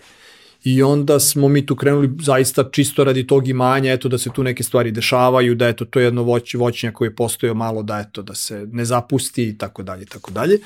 I onda naravno, mic po mici, onda ajmo ipak malo posadimo dunje, pa ajmo malo raskrčimo šumu, posadimo još, još dunja, pa ajmo malo posadimo šiva, pa je vidi dole jabuke stare, se iskoriste i tako dalje, tako dalje. I onda mi praktično krećemo u jedno širenje koje smo sad već uveliko prevazišli i uh, ulazimo u tu proizvodnju onako korak po korak i to se naravno uvećava zato što rezultate koje smo dobili su bili jako dobri. Jer posle dugog niza godina sa one strane kao konzument, promoter, prodavac, kako god, uh, degustator, e, onda kad si proizvođaš to sve znanje primenjuješ i počinješ da dobijaš proizvode koje ljudi traže i koji definitivno imaju svoje mesto na tržištu. I ta proizvodnja, evo, do dan danas se razvija čak i brže nego što, prodaja se razvija čak i brže nego što mi proizvodno možemo da ispratimo. Ovaj, i, I eto, nadam se da ćemo i u tom smeru da napredujemo sad u godinama koje dolaze, zato što definitivno trend rakije se proširio na region, e, počinje dosta, jer Beograd je e, glavni grad i ono što se ovde kod nas dešava, dođe dijaspora pa kaže hej, hajmo ovo u Francuskoj, Nemačkoj, gde god asmal, da, ajmo i mi ovo da imamo, čuli su za ovaj brend, onaj brend, tako da većina srpskih destilerija e, gro biznisa bazira sad na, na izvozu. Jasno, jasno. Uh, tema koja ćemo se dotaći kasnije, pošto hoću da imam kontinuitet rakije, Ovaj, tema koja ćemo se dotaći kasnije je Beogradski noćni market, jer je to takođe jedna neverovatno lepa priča i jedna neverovatna energija.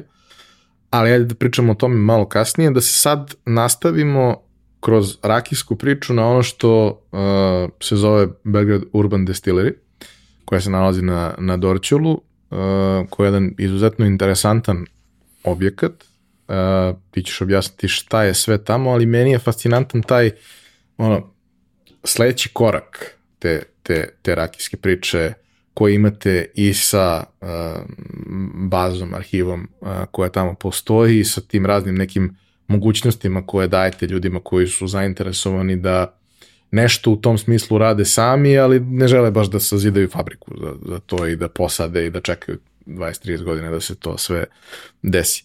Odakle ideja uopšte za, za to, zašto baš tamo i zašto baš tako?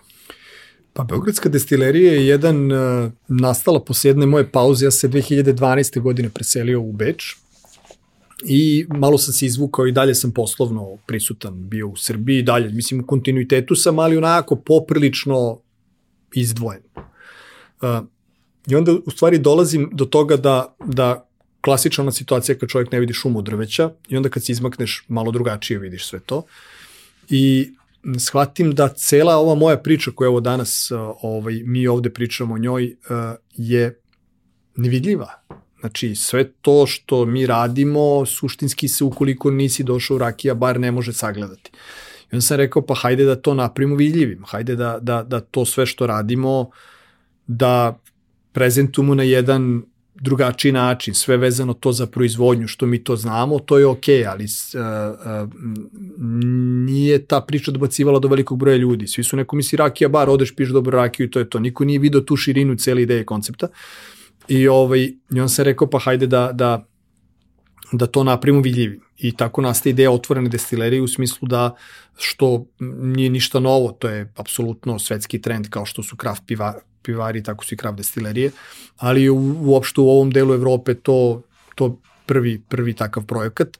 Radi se o tome da smo na Dorčolu napravili destileriju otvorenog tipa, što znači da svako ko je ušao kod nas u destileriju može da vidi sam proces filtriranja, kupažiranja, e, ne znam, e, pakovanja, etiketiranja itd. itd. Mm, i može da se uveri da sve cisterne iz kojih se rakija toči ili bura da imaju jasno označene hemijske analize i da ne postoji ono što ja zezam rakija za kuma i rakija za majstora. Znači, to je to. I to je to što ispred što se vidi. Na taj način smo praktično rešili sve ove mistifikacije koje postoje vezane za rakiju i ono kunem ti se ja ti kažem. Znači ne, dođeš pa pogledaš sam. To je prva stvar. Druga stvar je što smo proširili kapacitet za turizam koji je nama inače bio razvijen kroz Rakija bar, jer ono što si sam rekao, uglavnom naši ljudi su dovodili strance da im pokažu, ali se tu uvijek završavalo na degustaciji i na priči. Znate, mi imamo. A ovde je sada, evo, mi kad ugustimo rakije, rakija tura, kad ugustimo strance, mogu da bukvalno degustiraju iz bureta, da probaju jake destilate, rakije, koktele s rakijom i tako dalje, jer se radi o jednom veoma interesantnom prostoru. Nalazi se 800 metara od Trga Republike, mi imamo tu na 1000 kvadrata, imamo destileriju, imamo restoran koji je jedno event space i tu radimo najviše venčanja, razne korporativne proslave i tako dalje. Ono što je zanimljivo, taj restoran ima puno jela koje su sa rakijom, što je da kažemo ta neka ekstenzija u restoraterstvu. Imamo koktel bar isto zanatskog tipa koji je fantastičan i, i, i praktično smo napravili jedno fan, mislim jedno šir, široko iskustvo, znači od toga da probaš rakije, probaš proizvode s rakijama i u jednom modernom prostoru i, i, i turisti stvarno, pogotovo koji su uh, negde i bili glavna ciljna grupa, su prezadovoljni. Uh, jer ljudi prosto ne očekuju da tako nešto se desi u, u Srbiji i Beogradu. Uh, ono što je zanimljiv, uh, koje usluge mi tamo nudimo, to isto zanimljivo, uh, osim znači, restorana, destilerije gde možeš da kupiš to direktno, ali tako, iz proizvodnje, jeste što uh, možeš da kupiš svoje bure rakije. Uh, to je ta arhiva, mi smo nazvali Srpska banka rakije, uh, jer ona čuvena naša tradicija zakupavanja buradi u zemlju, ovaj, što kaže Duško Kovačević, imamo petgodišnjih doba, ono, da, proleće, jesen, zima, leto i rat. Tako da zbog tih ovaj, neplaniranih pomeranja stanovništva, ljudi zakopaju tu zemlju da ni samo oni znaju gde i kad i onda se to za rođenje, krštenje ili tako dalje otvara. To zakopavanje buradi u, u, u zemlju je mislim ne daje taj kvalitet rakije, da je stvarno neke vrlo specifične destilate, ali uglavnom su to neki preterano stari, da tako nazovem, destilati, koji su naravno remek delo, ali zanatski nije to 100%. I onda smo mi ovde hteli da ponudimo sličnu verziju, da to je da ti ukoliko želiš dobru rakiju, a da je zaista tvoja. Pogotovo smo locirali tu negde u gostitelje da bi to njoj bilo zanimljivo. Ako već kažeš u kafani da je to tvoja domaća rakija, pa ajde bar zaista je napravi. Ako nisi registrovan, kako si onda napravio? Mislim, tu se postavlja vrlo jedna, ako ja kao proizvođač plaćam akcizu, ako plaćam hemijske analize, imam ozbiljne dažbine, ne mogu, vraćati na ovu temu oko cene, ja ne mogu da budem sa dobrom flašom akcizom, tehnologom, ja ne mogu da budem nikako konkurentan s nekim ko ništa od toga nema. I onda kažem, ok, ako bar hoćeš da budeš da igraš igru domaće rakije, dođi kod nas i napravi svoj blend. Mi ti damo ono, kao u kuhinji, tako, damo ti sastojke i ti napravi svoju recepturu. I ovaj, nije to baš se najviše zapatilo sa ugostiteljima, ali se zapatilo zaista sa, sa ljudima koji su prepoznali da, da dobijaju jedinstven proizvod, po odličnoj ceni. Šta je, u čemu se u stvari radi u Srpskoj banci? Dođeš kod meni uzmeš destilate različitih starosti i napraviš svoj blend uz edukaciju. Znači mi onda tu pričamo zašto ova sorta šljive, zašto ova starost, zašto ta jačina alkohola, šta daje bure, šta će u roku od 6 meseci da da, da li bure od 50 litara, od 100, 225 litara i tako dalje. Igramo se praktično jedne alhemije tu i onda mi kupcima damo mogućnost da kad naprave taj blend, pečatiraju i zatvore svoje bure i pečat ostaje kod njih. Dobiju pločicu, gravirano ime i prezime je naziv rakije i dobiju pečat. I onda nakon toga kad se otvori bure, praktično evo u praksi se pokazalo to bure od 50 litara jakog destilata sa padom alkohola zbog odležavanja na Angel's Share, ali tako, ovaj, dobiju uglavnom oko 100 boca od pola litre rakije i dobiju e, svoju etiketu koju mogu sami da popune. I onda oni tu imaju svoje ovaj, nazive za tu rakiju i tako dalje. I onda su tu ispostavili da je to fantastičan poklon za recimo team building. Dođe firma, naprave, svoju, ovaj, naprave svoje bure, potpišu bure, tako da mi sad imamo, radili smo za košarski klub Partizan, radili smo za a, turističku organizaciju Beograd, takozvanu Beogradsku Dunjevaču, za firmu Beko, za razne fizička lica, za Ima sad tu dosta i pojedinaca ovako i stranaca. Skoro jedna Amerikanka bila napunila je bure, ali nije mogla da ga podigne, pa je ovaj poslala kolegu da sad smo otvarali baš i sad je Rakija na putu za Ameriku. Uh, I, I to je zaista jedan fantastičan, onako zanimljiv proces. Eto. Tako da, da trudimo se u stvari kroz tu destileriju da, da kroz naše osnovne, obične delatnosti ljudi vide o čemu da demistifikujemo rakiju, znači da, da izađemo iz one legende, ne znaš ti, tajni recept, deda ovo, stric ono, ne, sve je vrlo transparentno, sve je poprilično jednostavno i da se svak uveri koliko to košta. Znači da je rakija I zašto košta? I zašto košta toliko. Znači da, da shvate ljudi ko, koje su godine potrebne, kakva sirovina, koliki gubici, kolika, koliko negovanje tog proizvoda. E sad, ko shvati, shvati, ko ne shvati, nema pomoći. Uh, hipotetički, kako izgleda proces kada neko dođe i, i, i želi da napravi nešto svoje? Šta, je, šta su sve parametri koje može da bira i šta je neki preporučeni uh, vremenski okvir kako stvari treba da funkcioniš? Mm, mi ćemo sada, baš se bavim time aktivno, jedan upitnik da pomognemo ljudima da donesu lakšu odluku, zato što ne dolaze baš svi sa dobrim predznanjem kad je u pitanju rakija. Prvo moje pitanje je koji povod je i kad je planirano otvaranje bureta. Uh, suštinski ukoliko neko želi da otvori bure recimo sad za novu godinu da ima poklon za kompaniju ili za sebe ili za zimu kako god, znači mi onda dajemo kupažu već odležalih destilata Tako da je moje prvo pitanje kada želiš da otvoriš bure? Za godinu, dve, tri, za šest meseci, za tri meseca.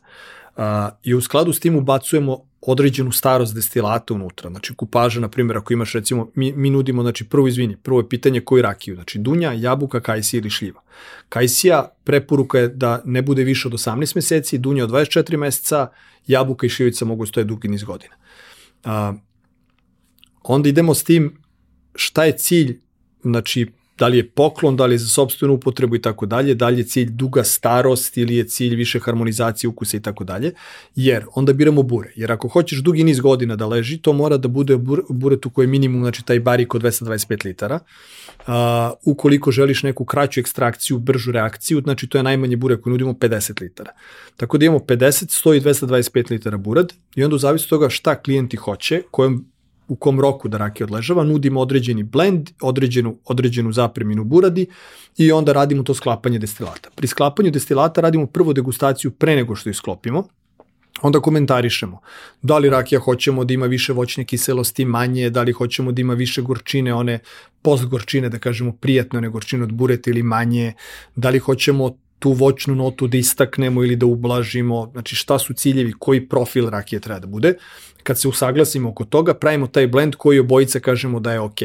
Onda nakon toga, u stvari u procesu toga, zajedno merimo procenat alkohola, učimo da čitamo alkoholne tablice, uh, radimo malo, da kažemo, edukativno kod same degustacije, od čega, zašto, koja sorta voća, šta se dešava u destilaciji, ovako, onako itd. I ljudi su poprilično onda upoznaju s tim proizvodom, budi mnogo bliže šta će to dobiti, jel da? I onda nakon toga pečatimo bure, stavlja se vosak, udara se pečat i taj set sa pečatom i tablicom se dobija. tablica onda sam klijent stavlja na svoje buro, označava ga sa svojom, da kažemo, ovaj, ovaj, tom mesinganom pločicom, tablicom i, i onda nakon par meseci otvaramo bure. I uvek kažem, bilo bi dobro da klijent dođe na svakih, ako recimo sa šest meseci odležava, dođe na svaka dva meseca i onda otvorimo, probamo i vidimo prvi kontrolni uzorak koji imamo i ovaj sad, šta se to promenilo. I onda kažemo, aha, i onda će čekaš šest meseci ili ćeš sutra da točiš, jer rakija se menja tako da u nekim momentima nikad se ne zna kad će tačno dobiti ubrzanje ili pik neki, da? Na primjer, nekad se dešava da recimo kajsivača posle šest meseci je gora nego kad si je stavio u bure, jer ima neku mešavinu, taj hrast prosto nije odradio to što je trebalo. Nakon recimo 8 meseci ona je već fantastična. A onda, ne znam, nakon 12 meseci opet ima neku svoju notu, jer ta hemija između bureta, odnosno tih smola koje su u hrastovini, koja je nagorela, ali tako, i rakije, ona pravi jednu, e, e, jednu novu hemiju, novi proizvod i onda se on menja od e, stepene, od zavisi od jačine alkohola, vrste hrastovine, stepena nagorelosti, ne znam, hiljadu tu ima faktora i mi suštinski uvek imamo neki znak pitanja kad otvorimo bure šta ćemo tačno dobijemo. Da li je ta ekstrakcija e, bila brža, sporija, na koje temperaturi odložavalo i tako dalje tako dalje. I onda mi se dogovorimo, ok, ja ti kažem, vidi, otprilike možda očekuješ to i to da se desi u tom i tom periodu i ti onda kažeš otvaraj sad.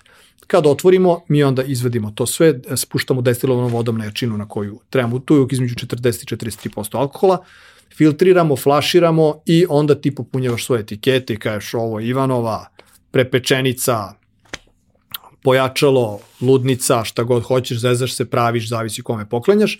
I ovaj, popunjavaš ručno svoje etikete, od nas dobiješ apsolutno sve šta treba, zatvaranje kompletno sve i, ovaj, i to je to. I mislim, jeste malo tužno što ugostitelji još uvek ne reaguju na to na pravi način, ali verujem da hoće u, u, neko dogledno vreme i da je sve većem broju njih zapravo stalo da imaju nekakvo autentično rešenje, jer uh, generičkih restorana ima previše. I oni su ti koji najviše izgube u svakoj od ovih situacija koja, koja je ovaj, kao što je bila korona. Ili je i dalje, možemo i tako da kažem. E sad, uh, kad već pričam o tome, uh, pre nego što te prebacim na uh, drugu priču, šta je značila korona u, u, u tvom poslu? Pa značila je jedan zid na sred autoputa, ovaj, punoj brzini. Onako jedno vraćanje ozbiljno, ozbiljno x koraka unazad, i jedno, naravno, prvo, pre svega loše iskustvo zbog svih emocija u, iz okruženja među ljudima, znači to je jako bilo teško dvojiti privatno i poslovno. Uh, poslovno gledano je značilo zaista jedno stopiranje svih aktivnosti, Uh, privatno nisam se toliko potresao što su postojile važnije teme naravno za sve nas kao što su zdravlje i ono koliko će da traje, šta će biti i tako dalje ali poslovno gledano jedno prispitivanje i, i jedno dobro iskustvo da se ono čuveno preduzetničko da nemoj sva jaja u istu korpu. A to je da smo mi bili poprilično zavisni od uh, nismo razvili online prodaju dovoljno nismo imali uh, razvijen taj eksportni portfolio dovoljno i da smo bili puno vezani za turizam što nas je baš onako ukočilo jer da kad je sve stalo. Uh, i nismo bili prisutni dovoljno u trgovinskim lancima jer smo većinu naše prodaje plasirali kroz sobstveni retail. Uh, tako da smo odmah nakon korone sve te sva ta iskustva iskoristili i prebacili se sad upravo to da budemo dostupni na nekim drugim mestima, jer za vreme korone su ljudi mnogo više pili, ali... E, m, nabavka nije bila baš tako nabavka jednostavna. Nabavka nije bila jednostavna, da, tako da smo rešili te stvari i eto, to je bila korona, onako jedno, jedan dobar šamar, vaspitna, što se kaže, i mislim da smo sad, ovaj, nadam se da se neće ponoviti, ali evo viški imat ćemo neke nove izazove, svi kažu, pa ajde vidimo. A, kad smo već uh, u, u, u toj priči, Rakija bar je koncept koji onog trenutka kada ga postaviš na zdrave noge i u ustoličiš na neki način i prepoznatljivost i sve to napraviš od toga brand, on stvarno zvuči idealno kao, kao franšiza. Znači, kao nešto što možeš u suštini da širiš, naravno, nije nešto što će biti na svakom ćošku, neće nikad biti McDonald's, treba da bude, ali jeste nešto što može da bude jako interesantno da u svakom većem gradu postoji, da u, u gradovima gde je populacija možda naših ljudi ili neki utice naše kulture malo veći, da može da postoji prostor za možda nešto više od toga i tako dalje. I sad, ja znam da si ti bio u jednom periodu vrlo motivisan da se time baviš na taj način. Znam i da imaš lep primer toga, ali znam isto tako i da si u priličnoj meri odustao od te ideje, pa bih volao da podeliš to iskustvo zato što znam dosta ljudi koji su krenuli čista srca i nekih dobrih emocije, neke dobre energije u, u svoje biznis poduhvate, ali opet sa ciljem da ukoliko sve bude kako treba za 5, 7, 10 godina, od toga prave nešto tako što može da se širi mimo njih samih. Znači, da se taj know-how i sve što treba spakuje u jedan dobar paket i da skaliranje toga ne zavisi samo od tih osoba koje su pokrenuli. Da, moje iskustvo sa franšizom je jako veliko i ovaj, nisam odustao od nje, samo sam se isto kao i ovo što sam pričao sa, sa rakijom, promocijom ovaj, rakije kao pića malo povukao, tako sam se iz franšize malo izvukao jer sam imao burna iskustva. Suštinski mi smo imali franšizu u Zemunu, u Beogradu na Dorću isto još jedan lokal, Kragujevac, Novi Sad, Niš, prodavnicu u Šangaju, dva lokala u Torontu, Beč, kao franchise corner i to je zaista šaren, šarena geografija i kulturološki potpuno drugačije pristupi, gde sam mnogo naučio i iskustva su mi više negativna nego pozitivna. Negativna iz razloga jer sam shvatio da franšizing uopšte nije tako jednostavan, da zahteva zaista mnogo energije i mnogo uh, nekih stvari koje baš nemaju mnogo veze sa biznisom, jer taj ljudski pristup je jako važan i ti kao mala firma nemaš baš mnogo uticaja na franšizoprimca i poštovanje standarda i to je možda i jedno ključno razočaranje. Ono što je pozitivno jeste što je tu bilo zaista i divnih i dan danas, evo uvek to pominjem, mislim, moji poslovni partneri Dimitri Mihajlo koji su iz Rakija bara u Zemunu, to je jedno prerasto jedno fantastično prijateljstvo i mi smo danas partneri u drugim poslovima. Uh, taj ljudski moment je jako važan i ti kao franšizodavac naravno da ne možeš toliko da se baviš svim tim. ja sam u franšizigu radio sa i profesorima i privrednom komorom i stranim konsultantima i zaista bio je jedan od članova osnivača Srpske franšize federacije i tako dalje, čak i predavač negde sa iskustvom, jer je vrlo zanimljivo bilo autentičan srpski gastronomski koncept prezentovati u svetu. To je bio veliki izazov. Prvo velike su razlike bile samo između Novog Sada i Niša, kamoli sad između Kanade i ne znam Austrije. Ono što je da kažemo moj zaključak jeste da franšiza u servisnoj industriji treba da je jako teška, možda je najbolja u tim fast food lancima, tamo gde ono što smo pričali imaš proizvode, ti imaš na primer recimo sad kao uzmemo primer Walter, Znači imaš recepturu za ćevap, imaš dobar servis, imaš prepoznatljiv brend i sad to multiplikuješ uz naravno razvoj svih nekih drugih stvari. U okviru Rakija bara mi smo imali sve te knjige, operations manual i tako dalje standarde, ali jako teško eh, prezentovati rakiju, na primjer, u, čak i u Torontu od delova grada je zavisilo gde će biti. A, a kamoli onda onog čuvenog, ono što kao svako misli da može bude taksi, tako svako misli može vodi bar ili kafanu i kaže ne znaš ti imam ja, ja moram ovo ili moram ono. I onda je tu bilo najvećih izazova da se poštuju standardi, pravila itd. i bilo je uspešnih franšiza, bilo je neuspešnih, bilo je srednje uspešnih, jer uh, taj preduzetnički moment je nešto što u franšizigu jako važno. Znači da ne može baš neko ko je frizer da otvori bar, niti može neko ko je ugostitelj da otvori berbernicu. Uh, tako isto i ovde. Ne može svako ko misli da mu je rakija zanimljiva kao tema da otvori rakija bar. I e, mi smo imali zbog toga i veliki broj plagijata, ja sam nekih čak, mislim, nije za hvalu, ali je činjenica, dobio i nagradu čak ministarstva za turizam, ako se ne varam, 2010. godine, za e, razvoj i doprinos u intelektualnoj svini u Srbiji. Rakija bar je zaštićen žig i na evropskom i na, na, na balkanskom i na srpskom nivou. Ja sam u Srbiji 18 njih morao da zatvorim i dan danas postoji u Crnoj Gori, u Hrvatskoj su čak rakirnice, to je ex rakija barovil, da? Onda ima neko ko se dovija pa kaže rakica bar, pa rakhija bar, pa mislim to je šo. Tako da, da izašao sam iz toga onog momenta kad sam izgubio jedno suđenje u Valjevu gde, gde je sve bilo jasno kao dan i gde je sudija rekla Mi smo dokaz uzeli sa Facebooka i ona je rekla šta je to Facebook? I onda je na kraju presuda bila takva da kaže dokazano je da ste vi u pravu da je došlo do kršenja vaše intelektualne svine, ali niste dokazali da je taj gospodin koji je tužen i praktično da je to on uradio, jer niste dokazali da to bio njegov profil.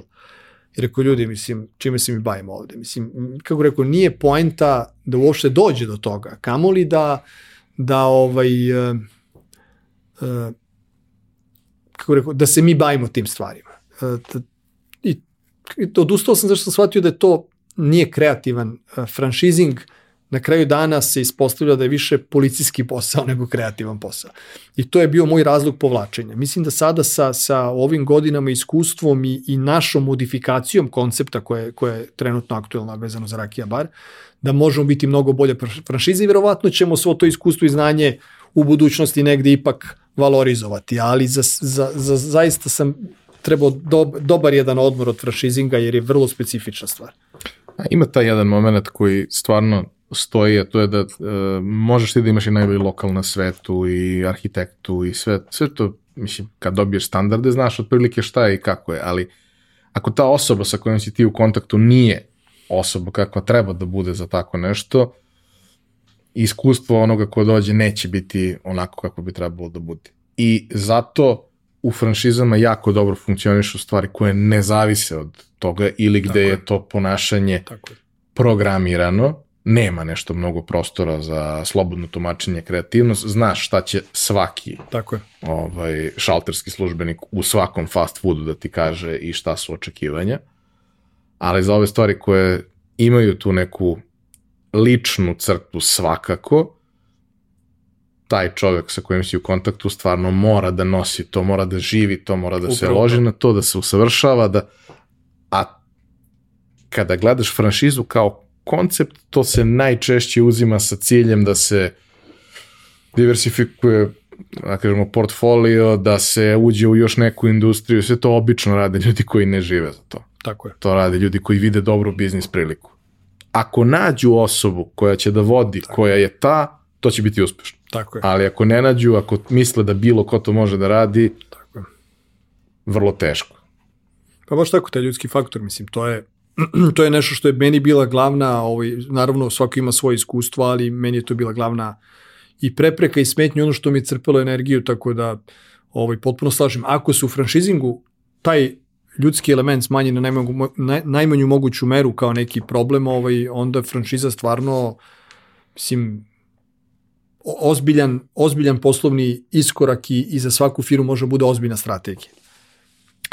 E sad, Ono što si pomenuo je da si u tom procesu, pored eh, niza ne tako sjajnih iskustava, imao i sjajne iskustva i sjajne ljude na koje si naišao i projekat koji ostavljamo za ovaj poslednji deo razgovora, uh, Beogradski noćni market je zapravo napravljen u saradnji sa ljudima sa kojima si već sarađivao kroz Rakija Bar koji su bili tvoji franšizeri u, u, u, u Zemunu i dalje su. Uh, otkud uopšte ideja za Beogradski noćni market, kad je to počelo, kako je to počelo, jer to je nešto što je opet potpuno drugačije od svega na što su ljudi u tom trenutku navikli. Pa počelo je kad sam se ja malo izvukao iz ove rakijske priče, jer ta moja ostrašćenost vezana za posao kojim se bavim je donela sve te zanimljive stvari i festivale i uopšte celu tu rakijsku scenu podigli nebrojeno sajmova i šta sve tu još nije bilo osim samog rakija bara.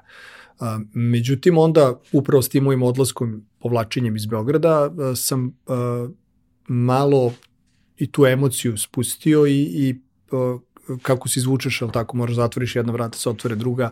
Krenuo sam sa ovaj, nekim novim idejama, ništa, ništa spektakularno, samo mi je to padalo na pamet da bi neke druge stvari, isto kao ta priča za rakiju, znači neke obične, svakodnevne stvari da bi mogli drugačije da izgledaju. I onda sam se pojavio jedan dan ovaj, uh, u, u pijacama i rekao dobar dan, dobar dan, otprilike ja imam tu i tu ideju. I onda su oni rekli, ok, neki su verovali isto kao za rak, rakija, bar neki nisu i onda kao ajmo da odradimo. I onda je baš moj kolega i poslovni partner Mihajlo, koji je tada održao prvu konferenciju za novine, baš rakija bar u Zemunu, na, na, on se onako poprilično upravo to bilo, to poverenje. Ok, hoću, verujem, ajmo. I kao ajmo da napravimo, uh, mi smo to nazvali novo lice pijace jer je bila ideja da praktično naše pijace koji imaju tu energiju, koji imaju i vezano za tradiciju i za okupljanje ljudi, za njihove lokacije, e, raznolikost, e, prirodnost proizvoda koji se tu prodaju i tako dalje, su nekako nezapažene. I e, rukovodstvo pijaca je prepoznalo tu ideju u smislu i njihovog nekog interesa ka promociji pijacama kao nekog zanimljivijeg mesta i dobili smo zeleno svetlo da, da radimo to na pijacima. Već prvi festival je bio fantastičan. Znači tu su imali negde 70 i nešto izlagača, a, koji da budem iskren nije bilo baš u, u, u skroz u smeru u kom smo mi kretili, mi smo hteli da napravimo najveći restoran pod, pod otvorenim nebom, međutim onda se mnogo više uključilo ljudi koji se bavili dizajnom. Uh -huh. i oni su imali nekako ide, identičan problem kao i mali priđači hrane i pića koji su mi targetirali u prvom momentu, Uh, oni su imali, trebali su da imaju neku svoju platformu, ali tako, neko mesto gde bi oni se pojavili. I onda smo mi dobili jednu koheziju dizajna i street fooda praktično i to je karakterisali da dan danas je to koncept uh, Beogradskog noćnog marketa. I uh, desilo se manje više isto ono kao i sa Rakija barom. Jedna vrlo brza, velika popularnost, ljudi su prepoznali to i da došlo je opet do, do razno raznih, mi smo, da kažem, ajde, mi smo pioniri tih marketa, sad postoje bazari razno razne, onda čak evo do dan danas, ja se smijem, mi kad smo došli na pijace, to je bila ideja, danas pijaci mi čitav sektor, su marketing tim koji se bavi samo organizacijom događaja. Uh, uh, Tako da, da je bilo jedan pionirski, zabavan projekat koji je uslovio uh, praktično jednu našu uh, jedno naše ozbiljno kretanje ovaj, ka, ka tome da, da smo mi to isto doživjeli kao biznis i evo imamo sad iza sebe 30 festivala. Beogradski noćni market je posetilo više stotina hiljada ljudi, nama je prosečna posjećenost po festivalu, ne znam, od 5 do 10 hiljada, nekad i više, zavisnosti od pijace. Uh, I radimo od 5 do 7 festivala godišnje, otprilike na raznim pijacama i uh, noćni market je zanimljiv što ne samo što je festival ne samo događaj, on je jedna predučka platforma. Jer nama strahovit broj ljudi dolazi koji, na primjer, učestvuju na 2, 3, 5 festivala, onda se povuku i kažu mi smo sad već dovoljno veliki brend da ne moramo da budemo na pijaci. Na mnogi se nekad vrate više iz emocije i ljubavi kao hoćemo da podržimo itd. itd. I to je jedan organski rast i jedna veoma zdrava priča i, i, i imamo zaista samo lepe uspomene jer tu je i zabava i za celu porodicu uživanje u smislu besplatan je ulaz, dolaze ljudi ono s decom, u početku je to počinje od 6 pa traje do ponoći i od tu negde od 6 do 8 otprilike se promovoju ljudi s klincima, ako ima neki kućni ljubimce, kupe šta im treba i tako dalje, a onda uveče tu neka zabava, kupovina, dizajn itd. I ovi sve se onako uvek završi vrlo pristojno i, i, i baš onako uživanje organizovati BNM. Jedna od stvari koja mislim da je, da je jako važna, pričao sam sa, sa dosta malih proizvođača i njima je naravno to prilika da, da izađu pred neku, neki veći trg, jeli? Ovaj, ali svakako jedna od glavnih stvari je da im je to u suštini vrlo često prva prilika da stvarno u realnim uslovima testiraju svoju ideju. Jer ok, naravno, možeš ti testirati i na Instagramu, Facebooku i sve to, ali ovde su ljudi koji mogu da osete tvoj proizvod, pipnu, probaju šta god i ti ćeš u par sati dobiti kompresovano iskustvo za koje bi ti trebalo nekoliko meseci sa slanjem, vraćanjem, zadovoljstvom, nezadovoljstvom i to ovde dobijaš u jednom ono vrlo, vrlo sirovom, ali izuzetno vrednom, vrednom iskustvu. I znam dosta njih koji su to prerasli realno okvire toga, da im to nije bilo neophodno da bi mogli da funkcionišu, ali im je to bio reality check, a u nekim slučajevima i nešto što im rešava problem cash flow. Tako je. Jer ti za jedan dan prodaš količinu koju možda u drugim okolnostima prodaš za 2, 3, 4 nedelje. To je idealna prilika da ti izneseš neki proizvode koji ti možda ne idu sjajno ovako, ali tu napraviš neku akciju, pa se rešiš nekog viška, lagera i tako dalje otvarati gomilu nekih mogućnosti samo zato što postoji ta kritična masa ljudi koji su došli. Mnogi su došli da vide šta ima, ali redko ko će izaći praznih ruku odatle. Tako je. A imaš taj moment takođe da pijace koliko god bile žive, a neke su posebno žive u ovom gradu, imaju posebno jaku reputaciju i, i vrednost, koliko god bile žive, one najčešće svoj život završavaju u 12, 1, 2, u 3 popodne više nema nikog. Jeste. A imaš jedan ogroman prostor na nekim vrlo atraktivnim lokacijama koji, pa kažemo, veći deo dnevnog svetla i celo veče, i onaj najprijatniji deo dana koji svi najviše volimo, u ovim nekim delovima godine kad je toplo, ovaj, je to prostor koji je potpuno neiskorišćen. Nema ništa, to, tad su zatvorene kapije, stavljen katanac i kao to je to. I do sutra, do sutra ujutru, rano, rano, rano ujutru, se ništa neće dešavati. I to jeste i drugo lice, ali i drugi život tih prostora. Sad, naravno, jedna stvar je kad imaš povremeno tu vrstu akcije, pa kad imaš povremeno, onda se ljudi pripremaju na povremeno i iskaču i prave tako neke, ovaj, uklapaju se u odnosu na to šta će se dešavati. Ali recimo ja se sećam uh, u, u par tih nekih situacija kad sam po inostranstvu išao, obično su postojale, ja bih to, na, naj, e, najbolja asocijacija u životu Beograda za tako nešto mi je depo. Takva lokacija. Znači, to, neka velika ili sajamska hala ili stari neki prostor tog tipa, industrijski, kao što je bio depo, ovaj, gde su upravo ti mali proizvođači uh, suvenira, svega ostalog i ja sam to kao na par mesta širom sveta i doduše uglavnom u Evropi ovaj, obilazio kad sam hteo to da nešto autentično donesem od suvenira, da nije to baš onaj najgenerički magnet koji kupiš na aerodromu, nego nešto malo da. drugačije. I kao, mi tako nešto nismo imali. Imali smo ove akcije koje su u nekim predvidljivim razmacima, pa znaš otprilike kad će da se dese, ali nije postojalo to jedno mesto gde stvarno možeš da se osloniš na nešto tako. Imali smo kako beše, beo izlog za jedan deo tih proizvoda. Jeste. Ali to je već obično 2-3 stepenika viši nivo proizvođača. Jeste kreativno zanimljivo, ali to su proizvođači koji proizvode hiljade nečega. Pa je napravljena selekcija tu. Imali smo mikser, koji više ne postoji, ali gde je takođe bila ta neka selekcija Jeste. gift programa, uh, supermarket koji imao isto nešto slično, ali je sve to bilo veoma malo i nije baš pratilo šta se dešava, nego dogovorili su sa nekim i onda pet godina imaš to, a pojavilo se među vremenu svašta nešto novo, a nema prostora što već imaš ovo što je, Jeste. što je ovaj, napravljeno. I onda čini mi se da je prostor koji se zvao Beogradski market, gde je danas destilerija i e, restoran i sve to, da je to bio neki koncept kako ste vi zamislili da to funkcioniše.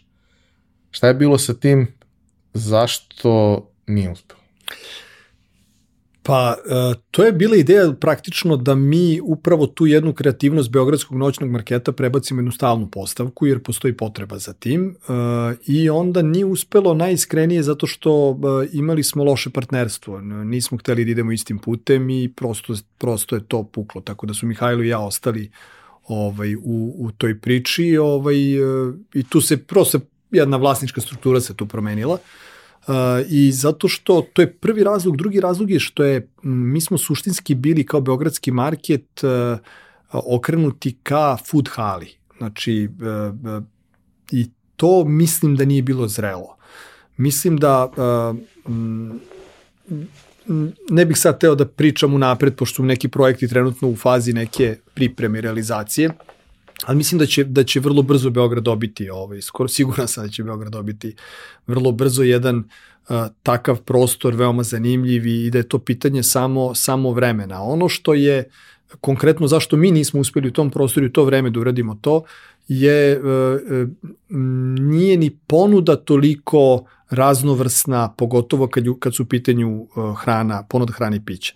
Jer Beograd nema, na primjer, ni azijske, ni uh, uopšte svetske kuhinje nisu baš toliko razvijene kod nas. Mi ovde kad pričamo o suši, mi pričamo o nekoliko lokacija. Mi kad pričamo, ne da, znamo... Ima svega na nekoliko mesta, ali Tako je. to nije dovoljno. Ali nemamo tu kritičnu masu fast food koncepta E, koja bi bila dovoljno šarolika i preduzetnički iskusna da bi mogla da se uklopi u koncept food hale. Jer food hala zahteva pre svega, ako ne pričamo o onim komercijalnim, nego recimo ako uzemo, lupam sad onu berlinsku, onu a, koja ima samo četvrtkom, ako se ne varam, a, a, ponudu internacionalnih kuhinja, a, nema baš mnogo, recimo onaj Time Out Market, ne znam, koji je sad isto svetska franšiza, ali a, m, u regionu nema ni jedna Uh, uh, ni Beč ni uspeo, ni Budimpešta čak, uh, mislim, postoje neke street food kao postavke, ali nijedna klasična food hala koja bi mogla da ima taj kreativni plus dizajn suvenski program ne postoji.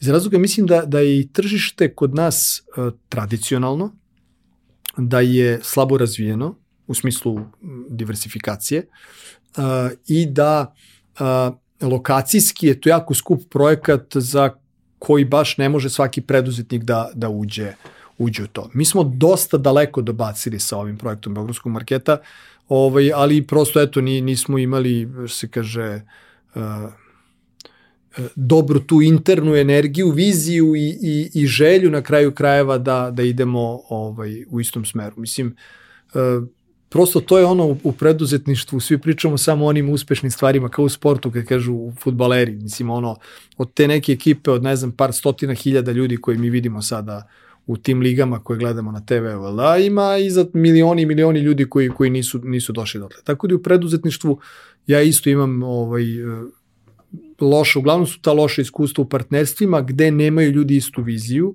i gde nisu iz iste branše. To A je mnogo lako se dođe do različite vizije ako rezultati ne idu onako kako to je, bi svi žele. Naravno, naravno. To mislim to u kući dođe do toga, ne u poslu, tamo poslu, mislim to je stvarno veoma jednostavno. Ono što je e, što je jako važno u partnerstvima po mom mišljenju, ovaj da na, ljudi dolaze iz iste branše, jer tek onda mogu da razumeju da li je nešto uspeh ili neuspeh. Ja sam bio u partnerstvu isto u jednom restoranu gde nešto što je meni bilo uspeh, partnerima bio neuspeh. Ne znam, ako za šest meseci restoran dođe do nule, meni je to, s obzirom da je bio jako veliki objekat, meni je to bilo uspešno. Ovaj, za neki je bilo neuspešno. I mi onda dolazimo tu do, do praktično sukoba u kom smeru treba ići dalje i tako dalje i tako dalje. Ali e, i to je sve ok, i to je sve samo čovjek treba da, da, da ne bude previše ličan u tome, to treba posmatrati profesionalno i sve, sve je to ok. Beogradski market je bio jedna epizoda, mislim, uh, koja eto, se završila neslavno, zato se neke druge otvorile i one su uspešne i to je to. Mislim da je još jedna stvar tu bitna, pomenuću je prosto iz nekog mog ličnog iskustva koje imam sa, sa proizvođačima, malim proizvođačima, jer sam ih i mnogo upoznao i intervjuisao, ispričao njihove priče, video kako sve izgleda iza kulisa i tako dalje. To je činjenica da, mislim, ja to stalno volim da kažem, ovaj, postoji razlog zašto su mali mali.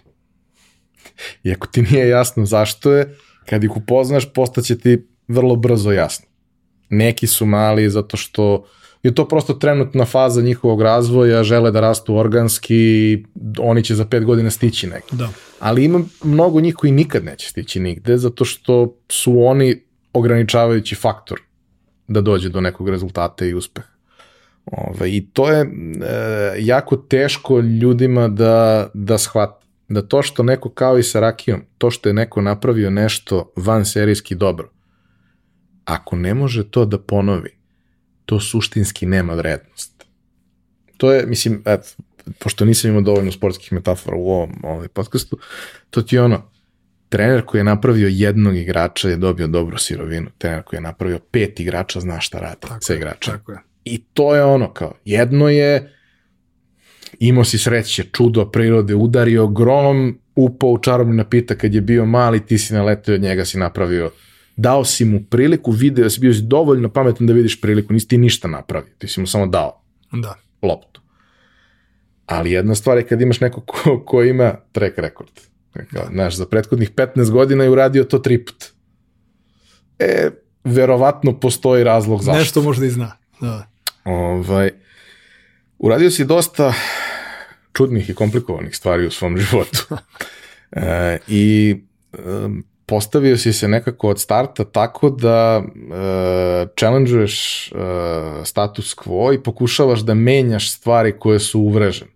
Što je u principu najgora stvar koju možeš da radiš ako si u Srbiji. ovaj, I verovatno delom i zbog toga ti je trebao taj moment da se malo izdvojiš iz svega. Ok, ti si na relaciji, stalno si tu. Ali verovatno malo bolje vidiš kako to sve izgleda 600 km ovaj, dalje i, i, iz Beča. E, korona je prošla, da kažemo, taj neki prvi udar, ono što, što je nas najviše ovaj, sve pogodilo, vidjet ćemo kako će se razvijeti, to niko ne zna na kraju dana, ali manje više smo se svi vratili u neku normalu, čak i oni najobazriviji su se vratili u onaj neki period od pre, pod uslovom da se tu ništa ponovo ne desi takvo e, i od onoga što možeš da podeliš sa nama, šta su neki tvoji planovi za naredni period? Pa za naredni period imam uh, jedan predivan projekat kojim se bavim. A, to je da smo u Rakija baru pokrenuli uh, jednu priču uh, promocije, odnosno umrežavanja kafe i rakije. A to je da smo lokaciju Dobračinu mesto gde je sve počelo ovaj, ubacili uh, kafu, domaću kafu na nov način. Znači ideja nam je da domaću kafu uh, osvetlimo na način kao što je to urađeno i sa pijacama i sa rakijom, a to je da srpska kafa dobije status koji zaslužuje. Jer uh, mi imamo srpsku kafu, ne znam da li smo svesni da imamo srpsku kafu. Mi je zovemo domaća, turska, tradicionalna i tako dalje, a ona je zaista specifična. Kad ju poredimo, na primjer, sa turskom kafom, znači ona se uh, ne kuva u bakarnim džezvama, ako pričamo o onome što se dešava u srpskim domaćinstvima, uglavnom su to one metalac, ali tako, mm. ove, majlirane džezve, a, a drugo ne, ne pijemo je u, u, ovaj, u ovim malim šoljama, ali tako, nego je pijemo uglavnom, nekad se pila, ali više ne, sad su uglavnom otprilike 0,1, uglavnom su onako to neke 0,1, 0,15 doze, A, drugo, ne jedemo je za, uz ratluk, nego je naša tradicija slatko voda i rakija, jel da, uz to. Tako da ima tu puno elemenata koji je definišu kao srpsku. E, s punim pravom Grci isto tu kafu zovu grčkom. A, ne pretendujem ja da mi sad e, kažemo da to nije turska kafa i da mi sad ne znam ja šta radimo, nego samo želim da, da isto kao što smo radili s rakijom i sa ovaj, pijacama, stavimo svetlo na kafu i stavimo je na pozornicu i već se bavimo tim nekim eksperimentima šta sve može domaće kafe da bude i, i, i tu srpsku verziju, njenu srpsku i modernu verziju smo počeli bukvalno pre nekoliko dana da, da prezentujemo, znači radi se o tome da sada ti recimo u Dobrčinu može dođeš i da uzmeš domaću kafu, sveže sam levenu ispred tebe, da ne bude sad ko što sad bilo ovo na, na reklama šta nam se stavlja u kafu. Znači ne, nego kafu u zrnu koja je single origin, imamo sad na ne znam Kolumbiju, Etiopiju, imamo domaću, domaći blend i da ti možeš da popiješ u domaćoj verziji, da kažemo single origin, pošto sam ja u Beču jedno vreme radio specialty coffee ovaj program, pa, pa mi je vrlo jasno taj treći talas kafe šta znači, ali mi smo apropo onog našeg pomodarstva. Mi smo A, uzeli najgore od svega. A, ne, ne, nego smo, nego smo uzeli recimo da ti kod u Beogradu piješ espresso kakav zaista redko gde, mislim nije redko gde, ali a, piješ svetski konkurentne kafe kad je espresso u pitanju, zaista. Znači ima fantastičnih pržionica, fantastičnih barista i svaki dan sve više i više takvih mesta. A i dalje imaš problem gde ćeš da popiješ dobru domaću kafu. Ne, ne, dobro domaću kafu neće popiti nigde. E, to je poenta. Zašto? Znači kao zašto moram da dobru rakiju pijem kući ili kod kuma i kafu da pijem ne znam kod tetke ili kod majke. Pa ne, Hajde da je, mislim, ajmo da pijemo i dobru domaću kafu i dobru rakiju u, ono, u baru, u kafani, restoranu, kako god. Tako da je to projekat kojim se bavim i on ima neke svoje nastavke o kojima sad ne mogu, na, nažalost, da pričam, ali će biti jako zanimljivi do ovaj, pred kraj godine. To je prva stvar. Druga stvar je jako lepa i, ovaj, i, i sad ja ne znam kad će, se, kad će se emitovati, ali ekskluziva je definitivno, a to je da, da organizujemo bečki noćni market, uh -huh. tako da, da smo ovaj, počeli da temu noćnog marketa širimo van granica i to je negde neka moja inspiracija da tu preduzetničku priču eto malo i, i, i malo da izađemo iz ove naše zone. Da li ona udobna i neudobna je diskutabilno, ali u svakom slučaju da malo proširimo da izađemo vidi, malo sa govornog da, područja. Da, da, da izađemo upravo to. I da, da naprimo te konekcije koje su ne samo uh, uh, grad Beograd će biti gost na Bečkom noćnom marketu. Uh, želja nam je da malo umrežimo to i nadam se da će u okviru Beogradskih noćnog marketa biti malo stranih izlagača u buduće, jer je cilj da to preduzetništvo i ta preduzetnička problematika uh, promocije, prezentacije, upravo ovog challenge-a kojim si pričao, ovo kad dođu kad dođu izlagači i, i dobiju odmah na licu mesta feedback od njihovim proizvodima. To je, to je problematika koja muči ljude i u, ne znam, Beogradu, i u Beču, i u Budimpešti, da, podjednako. i e, to će biti neki projekti kojima se bavim, bavim u buduće vreme. Naravno, osim redovne, redovno ovo posla sa destilerijom ovaj, i, i novih proizvoda i svakakih nekih opet tu akcija. Još jedno pitanje za sam kraj vezano za destileriju i proizvode.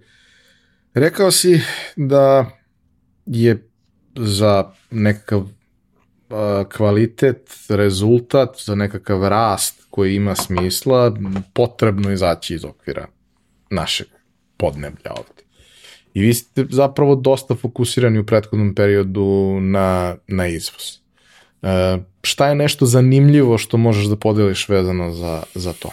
Najzanimljivije je Amerika, to je nešto što je aktuelno, gde smo dobili sve odgovarajuće licence i sada imamo neke banalne, nemo kažem probleme, ali imamo neke banalne, mislim, ambalaže i ta dostupnost, ovi snabdevanje koje je stvarno posle korone katastrofalno, mnogo su dugi rokovi čekanja na i specifične ambalaže ide za Ameriku.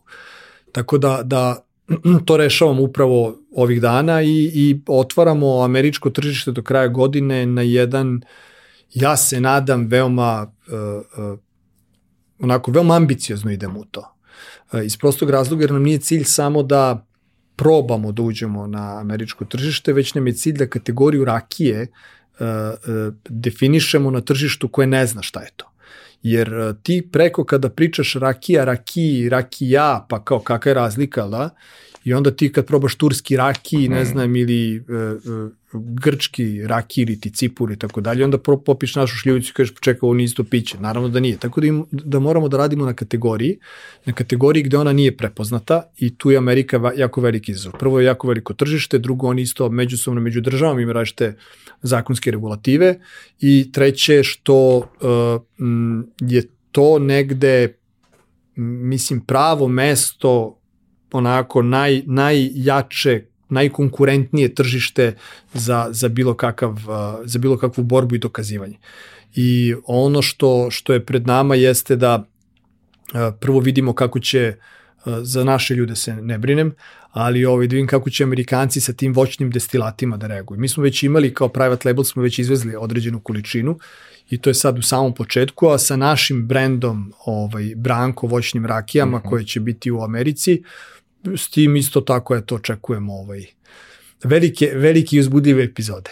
Čim ono što, što je meni bilo fascinantno, dosta puta sam bio u Americi, bio sam i kad je krenula korona zaglavljen tri meseca i tako dalje, Uh, taj moment kako smo mi navikli, to što sam malo pre rekao, odeš u metro pa kupiš sve i kupiš par flaša nečega što treba i kao odeš tamo i shvatiš da je, ne znam, taj ono, Kroger, Walmart, šta god, da su oni pet puta veći od bilo čega što možeš da zamisliš ali nema toga.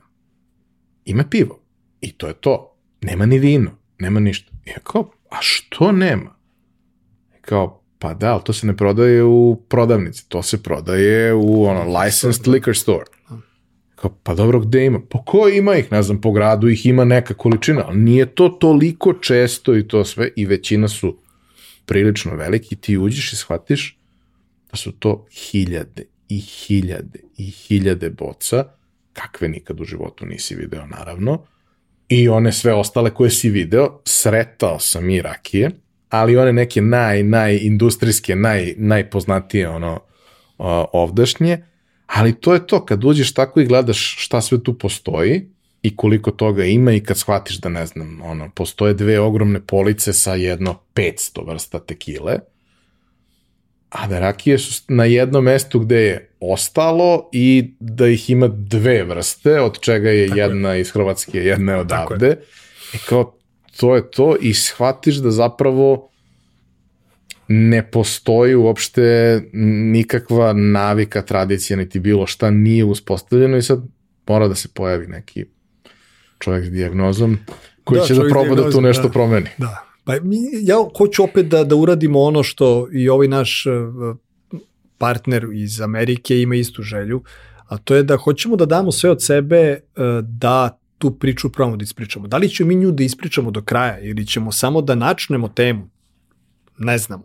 Ali uh, hoćemo da bacimo koji kod Rakija Baritu, da bacimo grudvu, hajde da vidimo da probamo da napravimo tu kategoriju. Znači, da otvorimo eventualno i, i, i vrate i ostalim destilerijama, zašto da ne? Mislim, ošte je ovo uh, ja sam uvek to tvrdio, e, srpska rakija i srpski proizvođači, to su, to su mizerne količine za svetsko tržište. Znači, svi mi zajedno se skupimo, pa ne možemo da zadovoljimo potrebe, mislim, kakva je Amerika, Rusija, mislim, čak i nekih mnogo manjih država.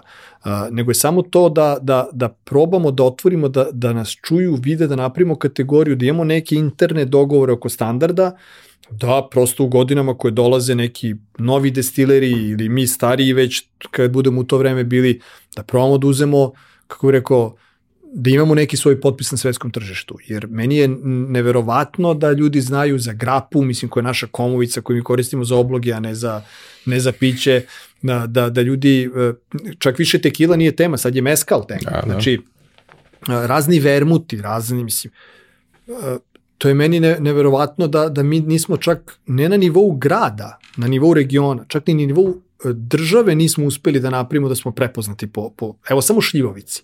Samo šljivice. Imamo selo Šljivovicu, imamo imena Šljivko, Šljivić, prezimen, Šljivančani, znači sve je šljiva.